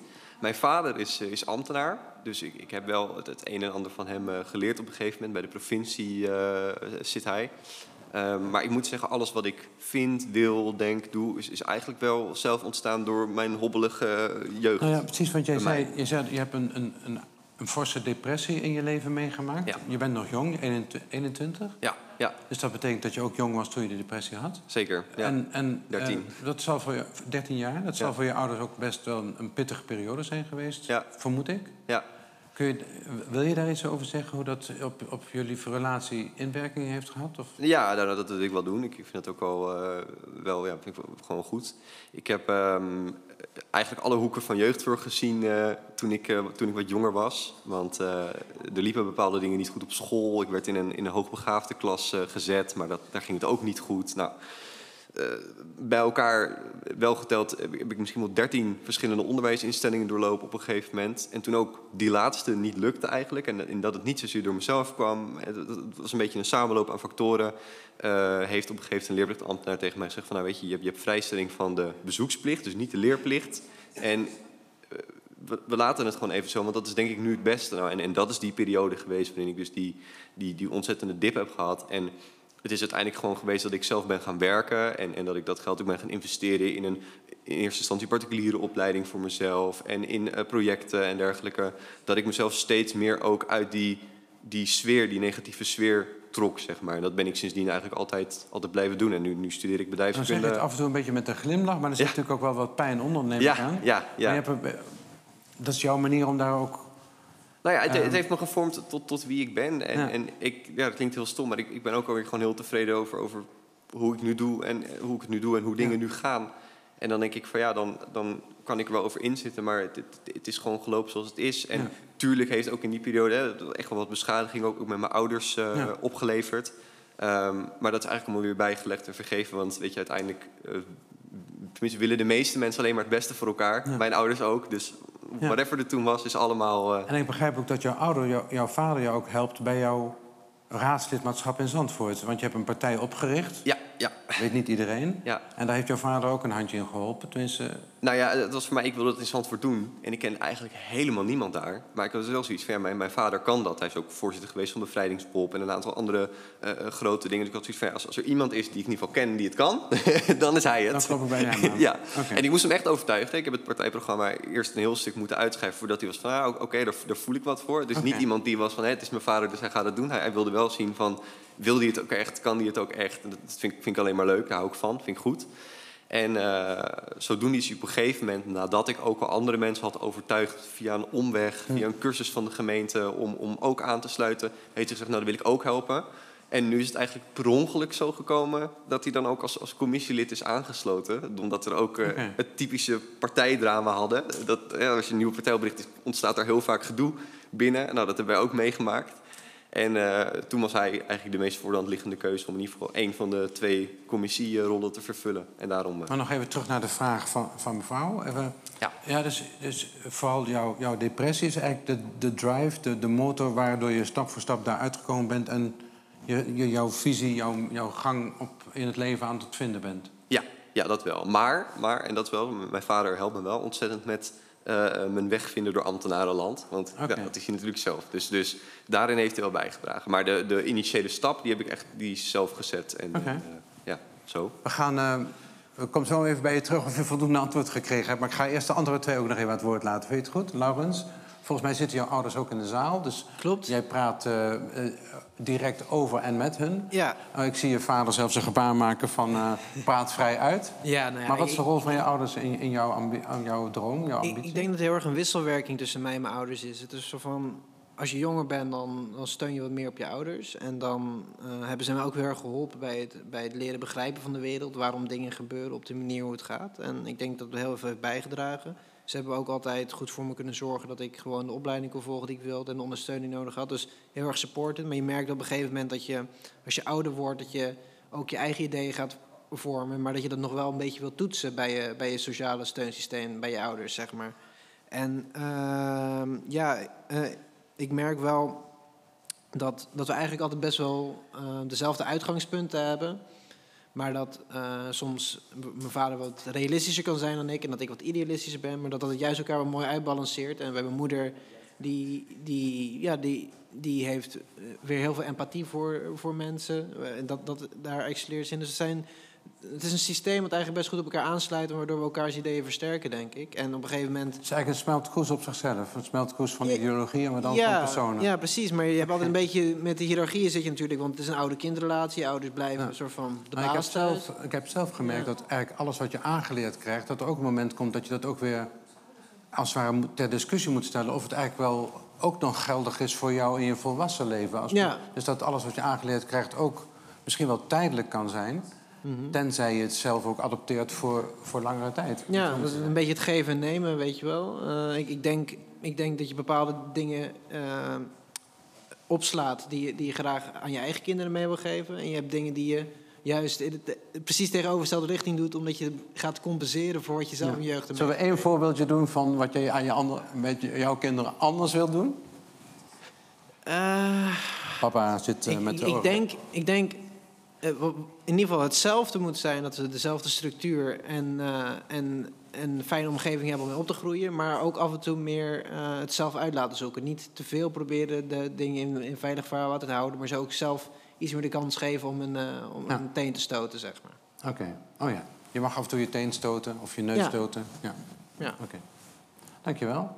Eh Seren, de rol van je ouders in jouw droom, jouw drive. Ja, ehm, ik ben ehm, sowieso best wel heel erg vrij opgevoed. Dus ik mocht eigenlijk altijd al wel doen wat ik graag wilde doen.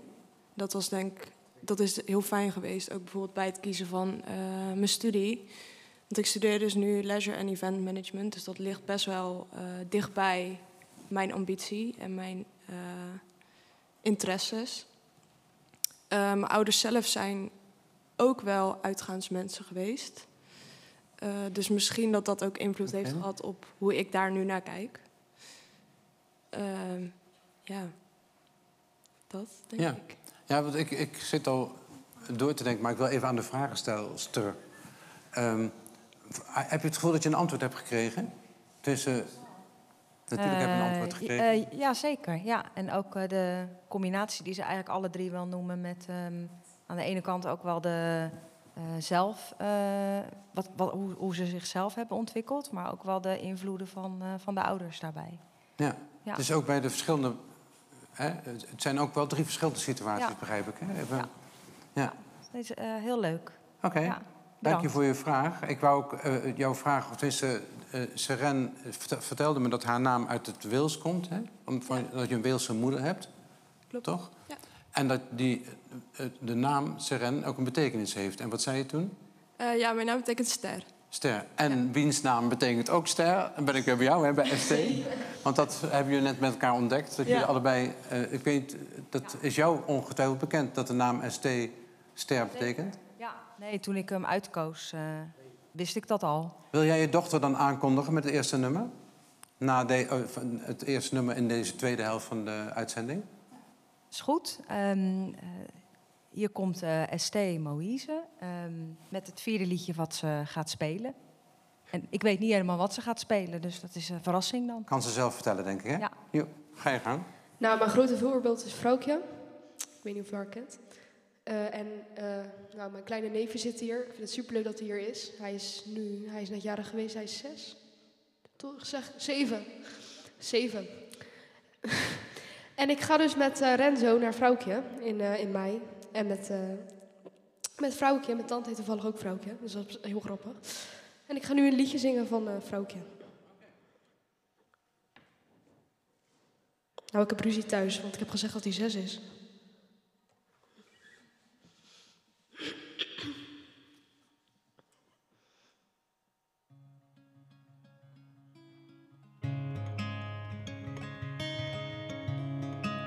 Stonk voor augustus.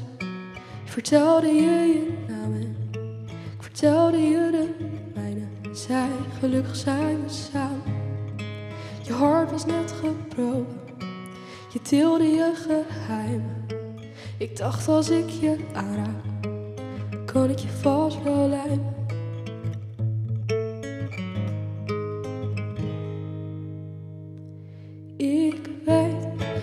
Vandaag nog hoe je heet. Ook vandaag nog wat je brengt. Wat je gaf en ook precies hoe je dat deed. Je gaf me je gewicht, nam het aan met ogen dicht. En nu ben ik slechts een stem zonder gezicht.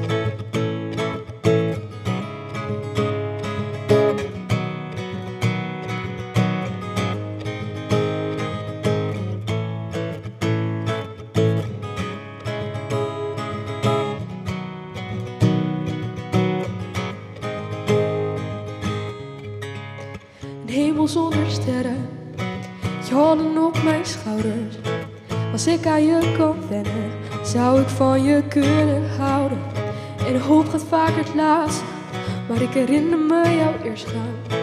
Vond dat toen niet eerlijk, maar ik heb het je vergeven. Vandaag nog hoe je heet, ook vandaag nog wat je brengt. Wat je gaf en nog precies hoe je dat deed. Je gaf me je gewicht, nam het aan met ogen dicht. En nu ben ik slechts een stem zonder gezicht.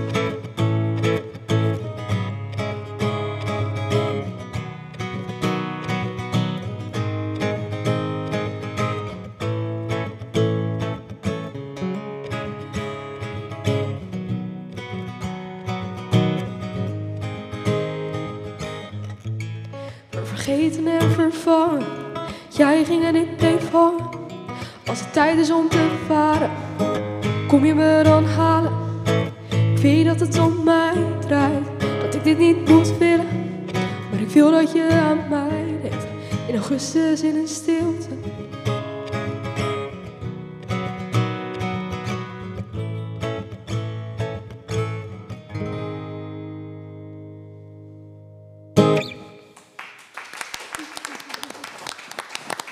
Dankjewel.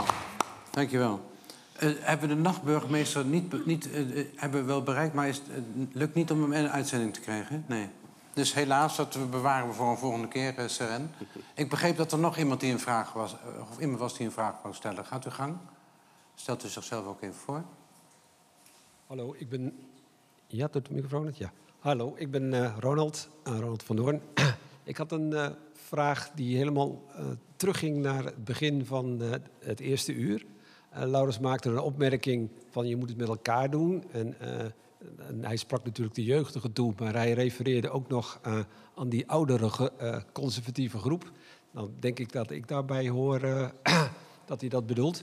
Ehm, maar hoe zien zeg maar de jeugdigen ehm, de rol van de, de, de ouderen erin om jullie idealen te kunnen ver- verwezenlijken? Eh, en dan bedoel ik niet eh, hoe we gaan de pensioenpot eh, van zoveel miljard met elkaar verdelen, maar wat wij echt actief kunnen doen. En ik hoop niet dat het antwoord is dat ik vijf dagen in de week het nachtleven in moet tot vier uur, want ik denk niet dat ik dat ga trekken. Maar ik hoop dat jullie nog andere bijdragen voor ons kunnen verzinnen. Ja, ik vind het een, een hele interessante vraag. Even, en dan vooral ook, u zegt het antwoord zou liever niet zijn vijf dagen per week een nachtleven in. Ik hoop ook dat het antwoord is, niet is, je moet vooral niet in de weg staan. Eh, wat, wat, eh, dat zou ook een antwoord kunnen zijn. Ik ben zelf denk ik van uw leeftijd. Ik ga de drie jonge mensen even vragen, wat zou de rol van de ouderen zijn in het bereiken van jullie ideaal? Ehm, wie eerst? Mirko? Ik, eh, ik kan er wel wat over zeggen, denk ik. Wat, wat, wat, ehm, het, het, eerste punt, en het is eigenlijk heel cliché, maar dat is gewoon neem jongeren serieus. Ik, ik merk zelf in de, in de gemeenteraad, hè, um, enerzijds je wordt heel serieus genomen, want je komt met plannen, je, je komt met stemmingen. En af en toe, als je net even een discussie hebt of iets dergelijks, word je toch ineens jochie genoemd. Of, en dan, dan is het altijd... En, en ja. uh, dat, dat, dat is lastig. Dat, dat doet toch ook wel afbreuk aan uh, wat je inhoudelijk zegt, wat je inhoudelijk probeert te doen. Uh, en en betrek ons ook en durf ons ook te betrekken. En vooral durf ook, um, misschien hè, waar soms een, een, wat ouder persoon wellicht een, een, een, plek zou hebben, een positie zou hebben, durf dat ook op te geven of jezelf daaronder te zetten. Of, hè, dat, en ik zeg niet dat moet altijd, ik zeg alleen probeer dat wat meer te doen. En, en ik denk dat dat wel twee hele concrete manieren zijn waarop je zou kunnen zeggen: hé, hey, uh, dan, dan help je de jeugd. En ik, ik denk dat dat ook geldt voor, uh, ja. voor Seren en Laurens. Nou, ik vind wel dat je zegt: neem jongeren serieus. Ik, ik verbreed het soms, neem iedereen serieus. Hè? En ja. natuurlijk ook jongeren. Want ik, ik, ik ben een aantal jaren lang burgemeester geweest. En een van de hartekreten van eigenlijk iedereen die ik sprak. Ik hoef geen gelijk te krijgen als ik maar serieus genomen word. Het is zo essentieel om iets, iemand te zien staan, ook een jong iemand te zien staan. Dus ik wil het van harte onderstrepen wat je zegt. Ja, ja. mooi. Um, aanvullingen, uh, Seren. Ja, ik wil daar wel even op inhaken. Um, ik denk wat jij zegt klopt. Jongeren moeten ook serieus genomen worden in wat zij denken. Um, wat ik, als ik kijk naar mijn, uh, mijn stukje over het nachtleven ik denk als je kijkt naar ouderen en naar jongeren, je hebt ouderen die het niet begrijpen, maar je hebt ook jongeren die het niet begrijpen. En je hebt ouderen die het wel begrijpen en je hebt ook jongeren die het wel begrijpen.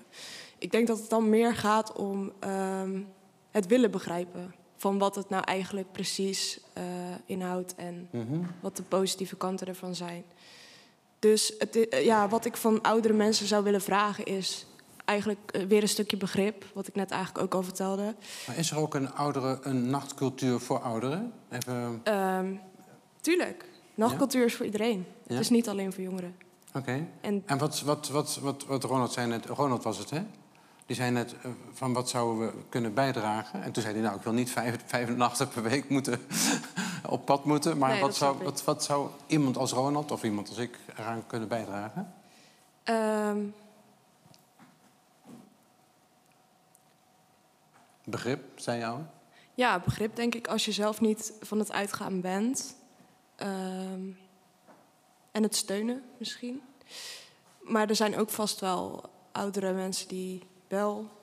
Want nou kun je ook, er zijn misschien ook wel mensen ik, die nachtcultuur ook associëren met een beetje overlast en zo. Hè? Van, ja, ik wil slapen en dan horen, dan is er. Is, is, is dat, hoe, hoe kijk je daar tegenaan? Vind je dat gezeur of vind je dat terecht dat iemand dat zegt? Um, ik kan het ergens zeker wel begrijpen, want er zijn ook momenten dat het misgaat. Maar ik denk dat dat stukje waar het misgaat, is niet het grote geheel. En ik denk dat daar heel erg op wordt ingezoomd, zeg maar. Ja. En dat daar ook het negatieve beeld misschien vandaan komt. Even als voorbeeld bijvoorbeeld, um, in de coronatijd was er geen uitgaan of geen nachtleven, geen uitgaansleven. Uh, waardoor er dus ook minder vrije tijdsbesteding was voor jongeren.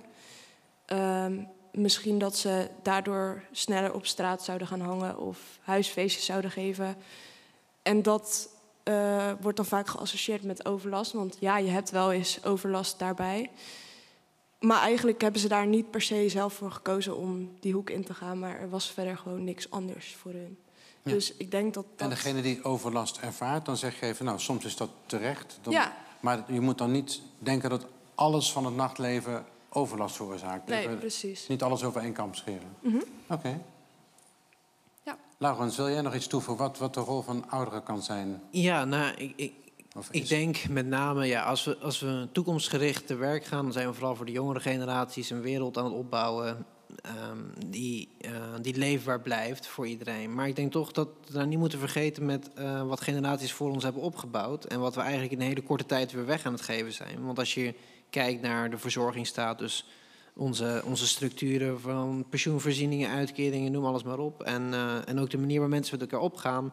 Ik denk, het is niet meer Nederland wat, wat de oude generaties achter hebben willen laten. Uh, en ik denk toch dat, dat we dat moeten begrijpen als jeugd. Ik bedoel, er wordt altijd. Er moet ook oor zijn voor de jeugd en, en onze belangen. We moeten ook begrijpen dat de, de oudere generaties ook in een wereld leven die, die ze niet meer herkennen. En dat geldt niet alleen voor ons. En ik denk, als je kijkt naar hoeveel, mensen er met mentale problematiek rondlopen, dat, dat treft jongeren, maar dat treft ouderen ook. eenzaamheid is een groot probleem onder ouderen bijvoorbeeld. En ik denk dat er echt gemeenschappelijke doelstellingen bestaan, los van welke leeftijd je hebt. En dat we allemaal diezelfde idealen kunnen delen, maar een beetje naar elkaar omkijken. Dat de oudere mensen af en toe uh, op de jonge kinderen letten. Of dat uh, de, de jongeren is boodschappen gaan doen voor de wat oudere buurvrouw die wat slechter de been is. Gewoon die, die, die basis samenhorigheid tussen verschillende lagen. Ik denk toch dat dat iets is wat al gebeurt, maar nog veel meer zou kunnen. En uh, veel beter ook vormgegeven zou kunnen worden. Maar eigenlijk zeg je dan van ik wil meer gemeenschap. Dat, dat vind ik belangrijk. Dat, dat is wat ik van jou hoor. Ja, ja, inderdaad. Gemeenschapszin en verschillende generaties doorkruisend eigenlijk. Eens. Ja. Oké. Roland, ik ga je toch nog even vragen om naar de microfoon te komen. Want je hebt nu drie antwoorden gekregen. Ik heb jou nog niet aan het woord gelaten, maar komt zo meteen misschien nog even. Ronald, wat, wat, wat proef je aan deze antwoorden? Nou, ik, eh, ik eh, proef eigenlijk dat ik uh, ben begonnen met de vraag te stellen... wat kunnen wij ouderen uh, voor jullie betekenen? En ik was erg verbaasd dat het uiteindelijk uh, leidde tot een antwoord... wat de jeugd voor de ouderen ging betekenen. Ja. dus dat is op zich verrassend en erg prettig. Um, en ik denk dat het ook dat is wat, wat uit de antwoorden kwam en wat ik ook hoopte te horen. Dat je het uiteindelijk inderdaad samen moet doen. En dat het niet, uh, en dat proef je soms wel eens, dat er een soort generatiekloof ontstaat van hij en dij, dijne. En, en um, nou, ik noemde het voorbeeld van het verdelen van pensioengelden. Dat het een beetje zo'n discussie gaat worden. Zorgen de ouderen wel genoeg voor de jongeren? En eten ze niet alles op? En -hmm. vernielen ze de aarde niet? Um, maar dat het nu eigenlijk uit de antwoorden wel blijkt dat je uiteindelijk een gezamenlijke verantwoordelijkheid hebt. Uh, niet alleen maar om te benoemen wat er mis is, maar ook om het samen dan op te gaan lossen. Ja. Dus dat uh, vond ik wel fijn. Is, is, er iemand die het gevoel heeft dat de ouderen het verpest hebben, de, de, uh, je zei de, de, de, aarde verpest hebben, het, het, geld opgemaakt hebben en wij zitten nu met de ellende? Even, ik, ik zie jullie allemaal een beetje ja. verdwaasd kijken van... Uh, wat, ik, wat ik wel denk, is dat de... de je mag het denken, hè? Nou, nee, nee, ik, ik, denk dat de politiek wel heel lang heel reactief heeft gefunctioneerd. Uh, hoe ik te zeggen, op het moment dat er uh, een probleem naar boven kwam... dan pas, en dat probleem werd groot genoeg... dan pas werd erop gereageerd ja. en werd er iets mee gedaan. En ik denk wel dat dat iets is... en dat heeft niks te maken met de oudere generatie... want de oudere generatie zijn niet allemaal politici. Ja. Dat is 0,0 nog wat procent, zeg maar... Um, maar ik denk dat dat wel iets is wat, wat ik nu zie veranderen. En dat ja. vind ik een hele. Ja, zie je het veranderen? Want ik, ik denk ja. ook wel eens, je, ziet dat er vaak echt een heel groot, dat het echt heel groot problematisch moet worden voordat er gehandeld wordt. Je nee, zou zeggen, handel nou vroegtijdiger, want dan ben je, heb je langer de tijd om om eraan te wennen om die verandering in te zetten. Maar eh, jij ziet dat veranderen? Nou ja, het gaat nog niet overal goed natuurlijk. Nee? Het zal het ook nooit gaan. Maar ik, ik zie wel, zeker op lokale niveaus, zie ik dat het echt wel verandert. Dat ze steeds meer inzetten op preventie. Dat ze steeds vroegtijdiger kijken, oké, okay, okay. waar, waar kunnen we iets doen met een probleem? Ook omdat steeds meer het bewustzijn had ontstaan is van... hé hey jongens, als we dit in het beginstadium oplossen dan is het uiteindelijk goedkoper en heeft, hebben minder mensen er last van. Dus even, het is, het is economisch beter en het is, qua menselijke mate is het, is het ook beter. En om te zeggen dat, dat de oude generatie dat fout heeft gedaan, dat nee. vind ik niet. Maar dat is wel iets wat vroeger meer zo ging dan nu. En, en dat okay. vind ik dus wel een positief. Herkent uh, Ronald dat? Um, ja, op zich wel. Um, ik denk dat er, dat er aan, aan de ene kant wel um, meer gepraat wordt... Uh, maar aan de andere kant ook wel uh, nog steeds als vroeger veel gepraat wordt en weinig gehandeld wordt. Dus dat, dat herken ik zeker uh, wel. En misschien heeft dat ook wel een beetje te maken met, met de ik-cultuur, waar we ook allemaal in zitten en, en, waar ook heel veel discussie over is. Dat iedereen zo druk met zichzelf is en, en, te weinig van wat we dan met z'n allen dat, wat daar de consequentie van is, van dat, van dat ik-gedrag, of het nou sociale media of het milieu is. En dat, dat je nu eigenlijk pas sinds een half jaar ziet, nu de crisissen zo groot worden, dat men begint na te denken over het feit van, ja, maar we hebben dan niet uh, zoveel miljard keer een probleem, maar we hebben met zoveel miljard een probleem. En, uh, en dat dat wel uh, iets is wat altijd het omdraaien is, denk ik. In de, ik denk nog niet eens zo heel lang en dan heb ik het echt over een half jaar of zo. Mooie, mooie one-liner aan het eind van over die miljarden. Hè? We hebben miljarden problemen of we hebben met zoveel miljard een probleem. Dat is een, uh, een verschillende benadering. Ja. Mooi. En ik wil daar nog even kort iets op aanvullen, want ik denk ook, ehm, als je kijkt naar de generatie van mijn opa en oma, die zijn opgegroeid in tijden van schaarste. Er was hongerwinter, er was oorlog en nou, alles wat maar slecht kon gaan, ging slecht. Toen hebben zij op een gegeven moment iets opgebouwd en zijn er tijden van wilde ontstaan. En dat is door blijven groeien tot in de moderne tijd. We zijn allemaal heel verzadigd met, met wat de technologie ons geeft, met, eh, met, met altijd op een gespreid bedje terechtkomen. Maar nu dat, we, dat, er, dat er het laatste jaar heel veel verschillende dingen zijn gebeurd in de wereld en ook al de jaren daarvoor, zien we dat we nu met z'n allen naar tijden van schaarste gaan. We moeten allemaal opnieuw leren hoe het is om met minder te leven. Hoe het is om niet alles te kunnen hebben, maar ook van dag tot dag te moeten kijken of je het allemaal eh, bij elkaar kan schrapen. En ik denk dat, ehm, ja, dat we toch een les uit het verleden kunnen trekken om te kijken van ja, hoe gaan we daarmee om? Want ik denk dat er weinig mensen zijn van onze leeftijd die nog goed kunnen functioneren zonder eh, smartphone, om maar iets te noemen. Oké, Seren, kijk ik nog even... of Seren moet ik zeggen. Ja. Eh, ik kijk nog even naar jou. Even, heeft, heb jij het idee dat nou, ja, corona, maar andere crisis... Het, het, ehm, jouw vraagstuk hè, van het, het leven in de nacht heeft beïnvloed? Ja, je, je hebt al verteld dat corona daar in ieder geval aan heeft bijgedragen. Maar merk je het ook terug dat, dat, dat die, ja, die korte termijn reflex... er moet eerst een groot probleem zijn voordat we iets oplossen... dat het ook terugkomt in, in, in jouw droom, jouw ideaal? Ja, zeker. En ik ben eigenlijk ook een beetje bang dat Ja. het zo ver gaat dat het uiteindelijk er eigenlijk bijna niet meer is. En dat dat pas het punt gaat worden waarbij mensen beseffen hoe belangrijk het eigenlijk was. Oh ja. ja, dus dat het, het oude mechanisme van het moet eerst een heel groot probleem zijn voordat het opgelost wordt. Ja, En nog groter, eh, dat, dat, je bent bang voor, je Kijk, liever al sneller daarop ja reageren. ik kan natuurlijk niet in de toekomst kijken, dus ik weet natuurlijk niet of dat wel Ja. of niet zo gaat zijn. Maar ehm, Ja. het zou wel kunnen. En als je kijkt naar hoe het nu ontwikkelt, is het al minder dan dat het was in de plekken die ik ken, zeg maar. Ja. Dus Dus ja, je doet eigenlijk een oproep van wacht nou niet tot het nog veel erger is. Ja, Eh, laten we nu alvast zorgen dat het nachtleven gewoon nou, toegankelijk blijft. En Precies. natuurlijk, er is overlast af en toe. Daar, dat moet ook eh, aangepakt worden. Of hoe zeg je dat, eh, voorkomen worden. ja, zeker. Maar laat het niet over diezelfde kam geschoren worden. Nee, dat zou niet best zijn. Oké, ja, ik denk dat we... Ja, ik kijk nog even naar Ronald. Vind je het goed als ik het stokje weer over, overdraag naar het volgende nummer? Of wil jij nog even... Wil jij het even inleiden? Mag ook best. Dat lijkt me een goed idee. Lijkt je een goed idee?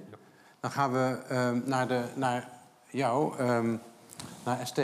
Want eh, misschien wil je het volgende nummer ook even inleiden. En ik vroeg me af, ehm, het antwoord op de vraag van, van, eh, van Ronald... Van wat kunnen ouderen doen om jouw droom dichterbij te halen? Wil je daar ook nog even iets over zeggen? Ja, zeker. Ik denk dat ouderen wel eh, iets kunnen bijbrengen. Omdat, eh, als we het dan hebben over eenzame ouderen, waar jullie het over hadden. er zijn superveel mensen alleen. En ook, ook mijn opa en oma, of mijn oma's dan, die zijn ook vaak alleen.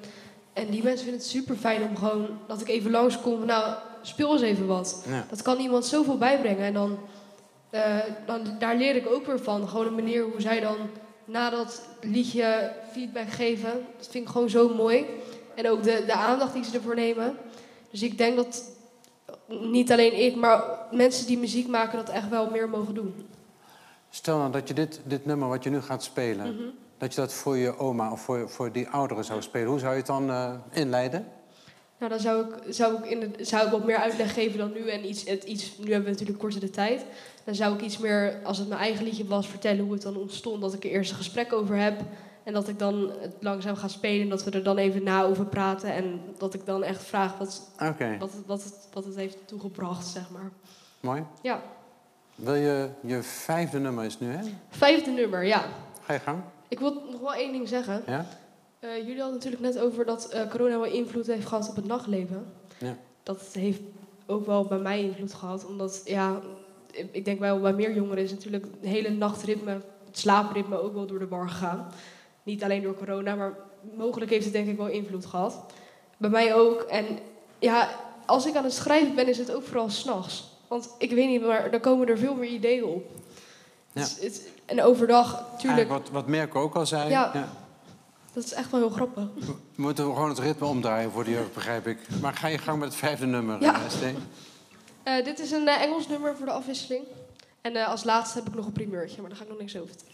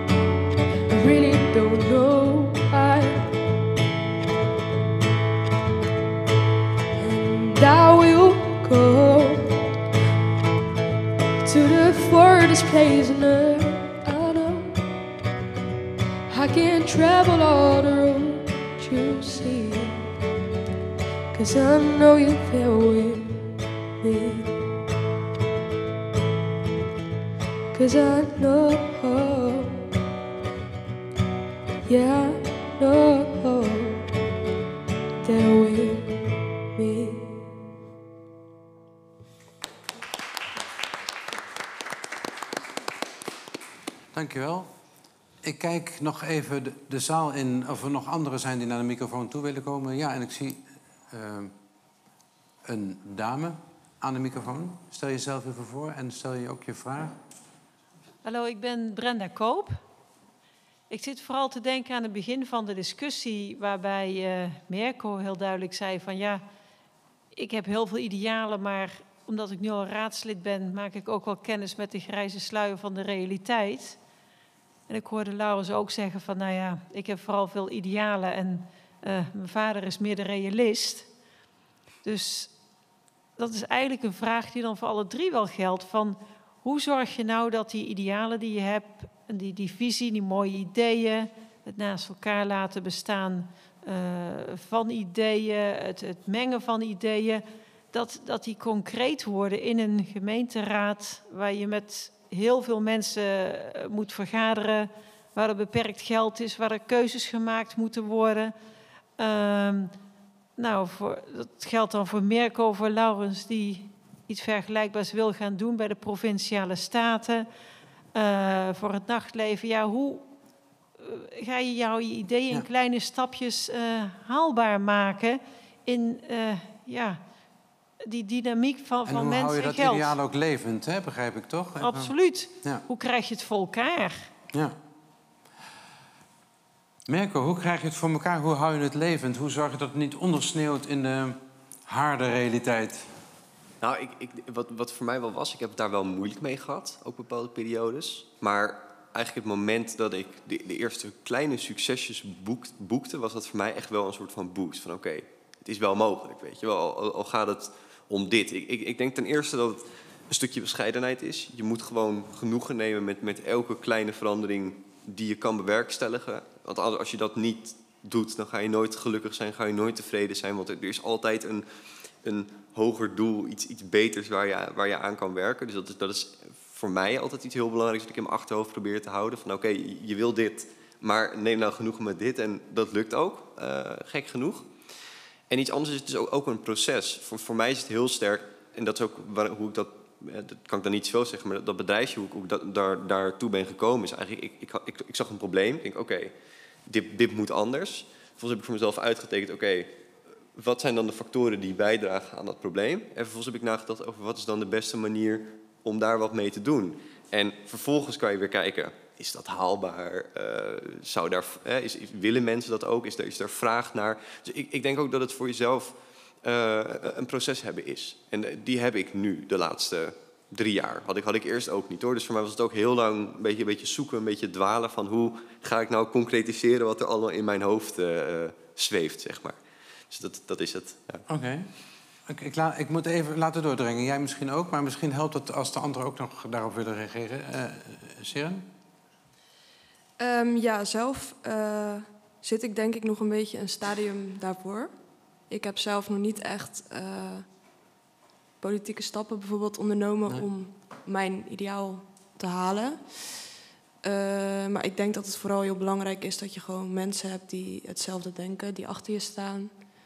Ehm, en in gesprek blijven gaan met mensen wat hun beeld erover is. Jij bent ook niet bang dat je dat ideaal kwijtraakt? Of Nee. verzandt? Of, of, of- Nee, ik denk dat dat bij mij nu zo diep zit dat het niet snel eh, weg zou gaan. Oké. Denk ik. Maar dat weet je natuurlijk niet hoe het Mhm. in de toekomst zou zijn. Kijk, stel het nachtleven zou ineens heel bruisend worden en het gaat vanzelf ineens allemaal heel goed, dan wil ik me er misschien wat Mhm. van afzetten. Maar hoe ik het nu voor me zie, dat ik hier nog wel een lange tijd mee bezig ga zijn, denk ik. Oké, oké. Voor de long run. Ja. Ehm, Laurens, het antwoord op deze vraag? Ja, ehm, kijk, tuurlijk, je moet altijd eh, reële stappen willen zetten naar een hoger ideaal. Want eh, als, je, als je geen kleine haalbare stappen kan zetten, kom je er nooit. Maar toch denk ik dat het nog belangrijker is dat het ideaal er wel is om überhaupt aan die stappen toe te komen. Want een, een slagverlies is nog niet de oorlog verliezen. Als soms tegen zit, moet je die hoop houden. Kijk maar naar Oekraïne. Als zij de hoop niet hadden gehad, als zij niet het grote megalomane ideaal hadden gehad om een vrij land te, te zijn, dan, hadden ze dan waren ze er nu niet meer geweest. Dan was het al Rusland geweest. Dus ik, ik ik denk, denk als je die parallel doortrekt naar alles wat je doet, is dat een bepaalde strijdvaardigheid komt los door, door een ideaal te hebben om voor te strijden. Zonder idealen is, is, kan je bijna zeggen dat het leven nutteloos is. Als we niks groters hebben om naartoe te werken, dan kan je op een gegeven moment ook zeggen... ehm, ja, waar doe ik het voor? Maar aan de andere kant moet je ook op een gegeven moment weten wat genoeg is. Je moet niet zo hard door willen draven naar een ideaal... dat je ook ehm, andere perspectieven niet meer toelaat. Dat je met Mhm. oogkleppen op, op je doel afstormt. Dat zijn allemaal valkuilen waar je rekening mee moet houden. Maar toch denk ik dat realiteitszin en ideaal niet elkaar altijd hoeft uit te sluiten. Ik, ik kijk naar, naar jou. Even, Ja, ik kan er wel een paar dingen uithalen. Ik Ja. hoor vooral noemen dat je, dat je kleine stapjes moet zetten. Dat je je probleem of de oplossing moet opdelen. Dat je ook tevreden moet zijn met kleine successen. Maar tegelijkertijd wel een soort van moet volhouden en vasthouden aan die grote idealen en dat naast elkaar. Waarbij je ondertussen de acceptatie zoekt van jouw, jouw plannen bij andere mensen. Wat natuurlijk ook eerder is genoemd. Dat zijn de dingen die ik jullie Hey, en, eh, en hoe zou je zeggen. op je eigen vraag reageren? Wat, wat is jouw antwoord op je eigen vraag? Van waar, hoe zorgen dat jouw ideaal niet verzandt? Of wat, wat, wat is jouw tip, jouw levensles? Ehm, nou, dat ideaal niet verzanden, daar ben ik niet zo bang voor. Ja. Maar waar ik wel eh, meer zorg over heb, is inderdaad of er succesjes geboekt gaan worden, dat je stukjes van je idealen kan halen, Ja. omdat je in die dynamiek zit. Dus ik denk daarvoor dat je inderdaad nou, kleine dingen moet aanpakken. eh, dat je inderdaad eh, goed moet onderzoeken wat de belangen zijn. eh, maar ook op welke manier je win-win situaties kan creëren. Want je kunt vaak veel beter natuurlijk jouw plan uitvoeren. als daar voor een ander ook iets, iets goeds uit te halen valt. En dat is niet altijd hetzelfde als voor jou, maar daar zitten soms. eh, soms kun je het op twee manieren doen. En op een van die twee manieren heeft een ander er ook wat aan. Ehm, Oké. en in de tijd goed proberen te plannen. Ja, en met al dit soort politieke functies is vier jaar natuurlijk kort. Dit zijn een soort van tips aan jullie. Wie, wie, eh, wie voelt zich getriggerd door, door deze tips? Of zeggen jullie, nou, dat moet ik allemaal zelf ook nog ontdekken? Even Dit zijn woorden van een wijze oudere, maar laat mij... eh, Ik moet ook, want je had het ook over, soms moet je zelf je neus ook willen stoten. Ja. Eh, is dat ook jouw reactie hierop? Of, Ja, nou, ik, ik denk het is zo van... Ik, ik haak met name even in op wat op laatst gezegd werd... dat, dat eh, een, een termijn van vier jaar vaak lastig is om iets... ehm, Te realiseren. Te realiseren. En zeker als het met een lange termijnsdoel is... hoe denk je die, dat continue proces gaande houdt... als je elke keer weer opnieuw herkozen moet worden... en elke keer weer jezelf moet verkopen aan de maatschappij. Maar toch is dat wel ook een, een heel belangrijk goed in de democratie... dat we elke vier jaar... ehm, het beleid kunnen corrigeren. Maar ik denk dat het eigenlijk belangrijker is dat we dat vaker kunnen doen en dan meer op onderwerp gericht. Dat we niet in één keer moeten afrekenen met alles. Want dan gaan, gaan we iemands idealen eh, gaan, we, gaan we met onze idealen vervangen. En de vraag is, zijn we allebei nog wel bezig met onze realiteitszin? Of zijn we allebei losgeslagen van Hm. wat, wat fatsoenlijk is? En die realiteitszin die komt vaak ook op het moment dat je met elkaar aan tafel gaat zitten. Dat je in kleine stapjes die gesprekken gaat voeren. Oké, ik zie jou knikken, Sharon. Ja, ik denk dat je ook heel erg moet kijken naar ehm, welke idealen zijn op dat moment eh, haalbaar, realistisch ehm, en belangrijk. Want ik bedoel, als de tijd verandert, als, als er jaren voorbij gaan, dan kan het gewoon wel zo zijn dat iets minder belangrijk is geworden en dat er een nieuw idee is wat misschien wel erop aan kan sluiten of niet, maar wat dan veel belangrijker is. Dus inderdaad, dat ges- het gesprek aangaan met mensen is denk ik wel het belangrijkste Oké. daarvoor. Ehm, ik wil eigenlijk door naar, naar het volgende deel. Maar is het voldoende voor jou ook? Ja, ook Ja? Oké, dank je. Ehm, ik wil jullie even vragen om tijdens het volgende nummer even nog na te denken over een soort afsluitende ronde. Ik wil jullie sowieso vragen of jullie iets geleerd hebben in de afgelopen twee uur wat je daarvoor nog niet zo bewust was. Dus dat je zegt, hé, hey, dit, dit ben ik wijzer geworden, deze twee uur, dit heb ik eraan gehad. Ehm, dan kun je er even over nadenken. En dan kan ik aan jou nog even vragen, de vraag die net gesteld werd, of je daar ook nog even op antwoord wil geven. En dan jou, want je had ook nog een verrassing voor ons, vol- volgens mij. Ja, primeurtje. Een primeur. Dus die twee dingen, wil je, wil daar even nog op reageren, op wat mevrouw zei? Eh, nou, voordat ik daarop reageer. Ja. Ik had eer- eerst Je gaat gewoon Ja. je eigen gaan, helemaal goed. Ja, Helemaal goed. ik had eerst iets van hem. Ja. Ehm, hem, hem is Mirko, ja. Mirko, sorry. ja nee. Ehm, dat, dat je vertelde dat je een vrij moeilijke jeugd had gehad. En dat je dan nu hier bent. Ik vind dat gewoon, en dat heb ik ook bij muziek toch. Ik vind het gewoon, als je ergens wil komen, vind ik dat gewoon zo mooi. En het maakt eigenlijk niet uit waar je vandaan komt. Eh, in die zin, wat je allemaal hebt meegemaakt. Maar dat vind ik dan zo mooi dat je dan hier zit. Ja, dat wil ik even zeggen. Dankjewel. Ja, mooi. En, en hoe hou jij jouw drive vast? Sorry. Hoe hou ik, hou ik Ja. mijn drive vast? Ehm, nou, ik ben, zoals ik net vertelde, eigenlijk altijd al bezig met het, met het schrijven en het, en het luisteren van muziek. Ik ben ook altijd heel erg geïnteresseerd eh, op Spotify. ehm, als, er, als er nieuwe artiesten... Natuurlijk, er zijn natuurlijk grote artiesten waar ik naar luister, maar ook, ook wat kleinere artiesten. En dat, dat vind ik ook... eh, Ja. Ik weet niet, dat vind ik interessant. Hoe dan die mensen die beginnen ook daar... Die staan eigenlijk in hetzelfde proces. Ja. Dat vind ik... En uiteindelijk is zo'n grote artiest of klein artiest... eigenlijk maakt dat niet uit. Het gaat om de Klopt. kwaliteit, toch? Ja. Vind ik ook, hoor. Ja. Je primeur. ja, nou, ik vond het wel leuk. Ik heb dan nu vijf liedjes gespeeld die, eh, die ik al vaak, vaak gespeeld heb. Ehm, en muziek is echt iets wat eh, voor mij altijd op korte termijn ontstaat. ik heb dit liedje anderhalve week geleden geschreven. En ik dacht, nou, het heeft dus ook nog geen naam. Eh, en ik dacht, nou ja, ik zit dan nu in deze studio hier. Waarom niet? Ik ga het gewoon spelen en Yes. kijken kijk hoe het... misschien moet ik er nog wel aan sleutelen en ik wil het wel een keertje opnemen. Maar ik ben wel benieuwd hoe dat eh, overkomt. En die naam, is die al bij je opgekomen? Of eh, laat dat nog even wachten? Iets met, eh, je weet het wel. Maar hoe, het, hoe dat zich vormgeeft, misschien verandert er nog tekst. Dat, ik, dat, dat er dan weer iets anders opkomt. Ja, Succes. dank u wel.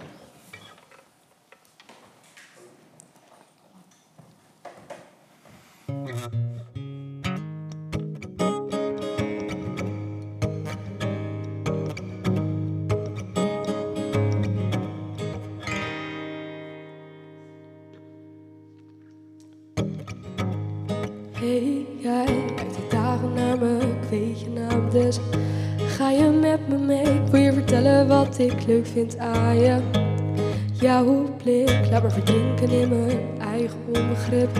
Ik wil je alles laten zien van mij, voordat je me straks weer vergeten bent. Het is stil, heel. Dat jij wat weten laat, dat is vast heel misschien. Beeld staat in mijn geheugen gegrift. Als je me leuk vindt, sta me kiet. Want je weet het wel, zit diep en ik wil schreeuwen tot je me hoort.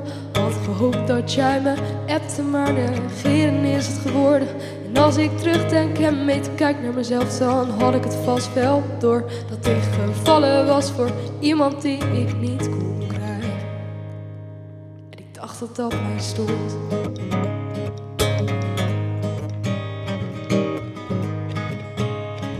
En ik dacht dat dat mij stond. In een flits voorbij, deze tijd kan niet wachten tot je me weer aankijkt. Je luchtje maakt me ziek, wat als ik dit voor publiek zing. Ik wil wel praten, heb een verhaal, maar ik weet dat jij nu echt verleden bent.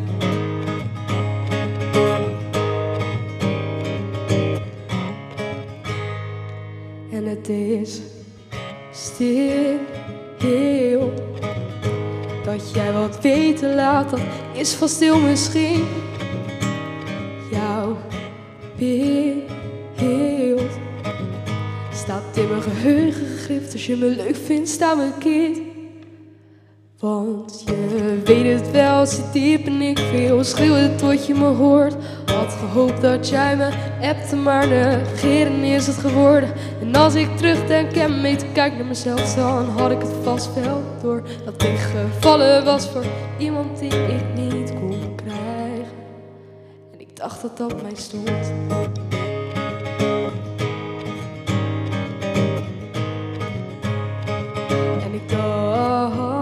Dat dat mij.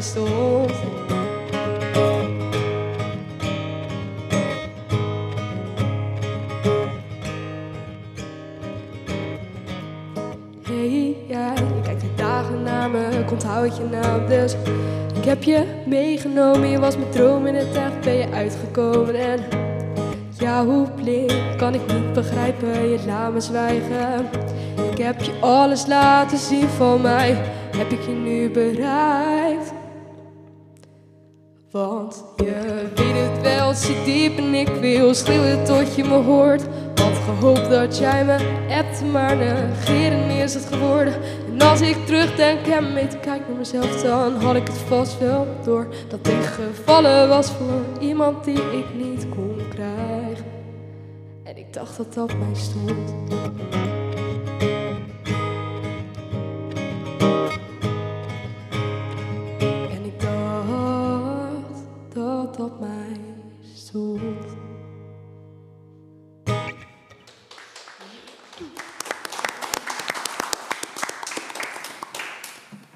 Je voor deze primeur op deze avond. Ik had jullie een eh, vraag gesteld om eens over na te denken, maar ondertussen werden jullie natuurlijk afgeleid door deze primeur. Ehm, ik begin bij jou, Seren. Ja. Eh, wat, wat ben je wijzer geworden? Ehm, ik ben sowieso wijzer geworden dat als je een, bepaald, een bepaalde ambitie of beeld van iets hebt, dat je eh, niet moet opgeven. Gewoon ervoor gaan. En ehm, wat ik ook mooi vond bij hun om te horen is dat, ehm, ja, dat, dat, samen, dat samen zijn, alles, iedereen gelijk.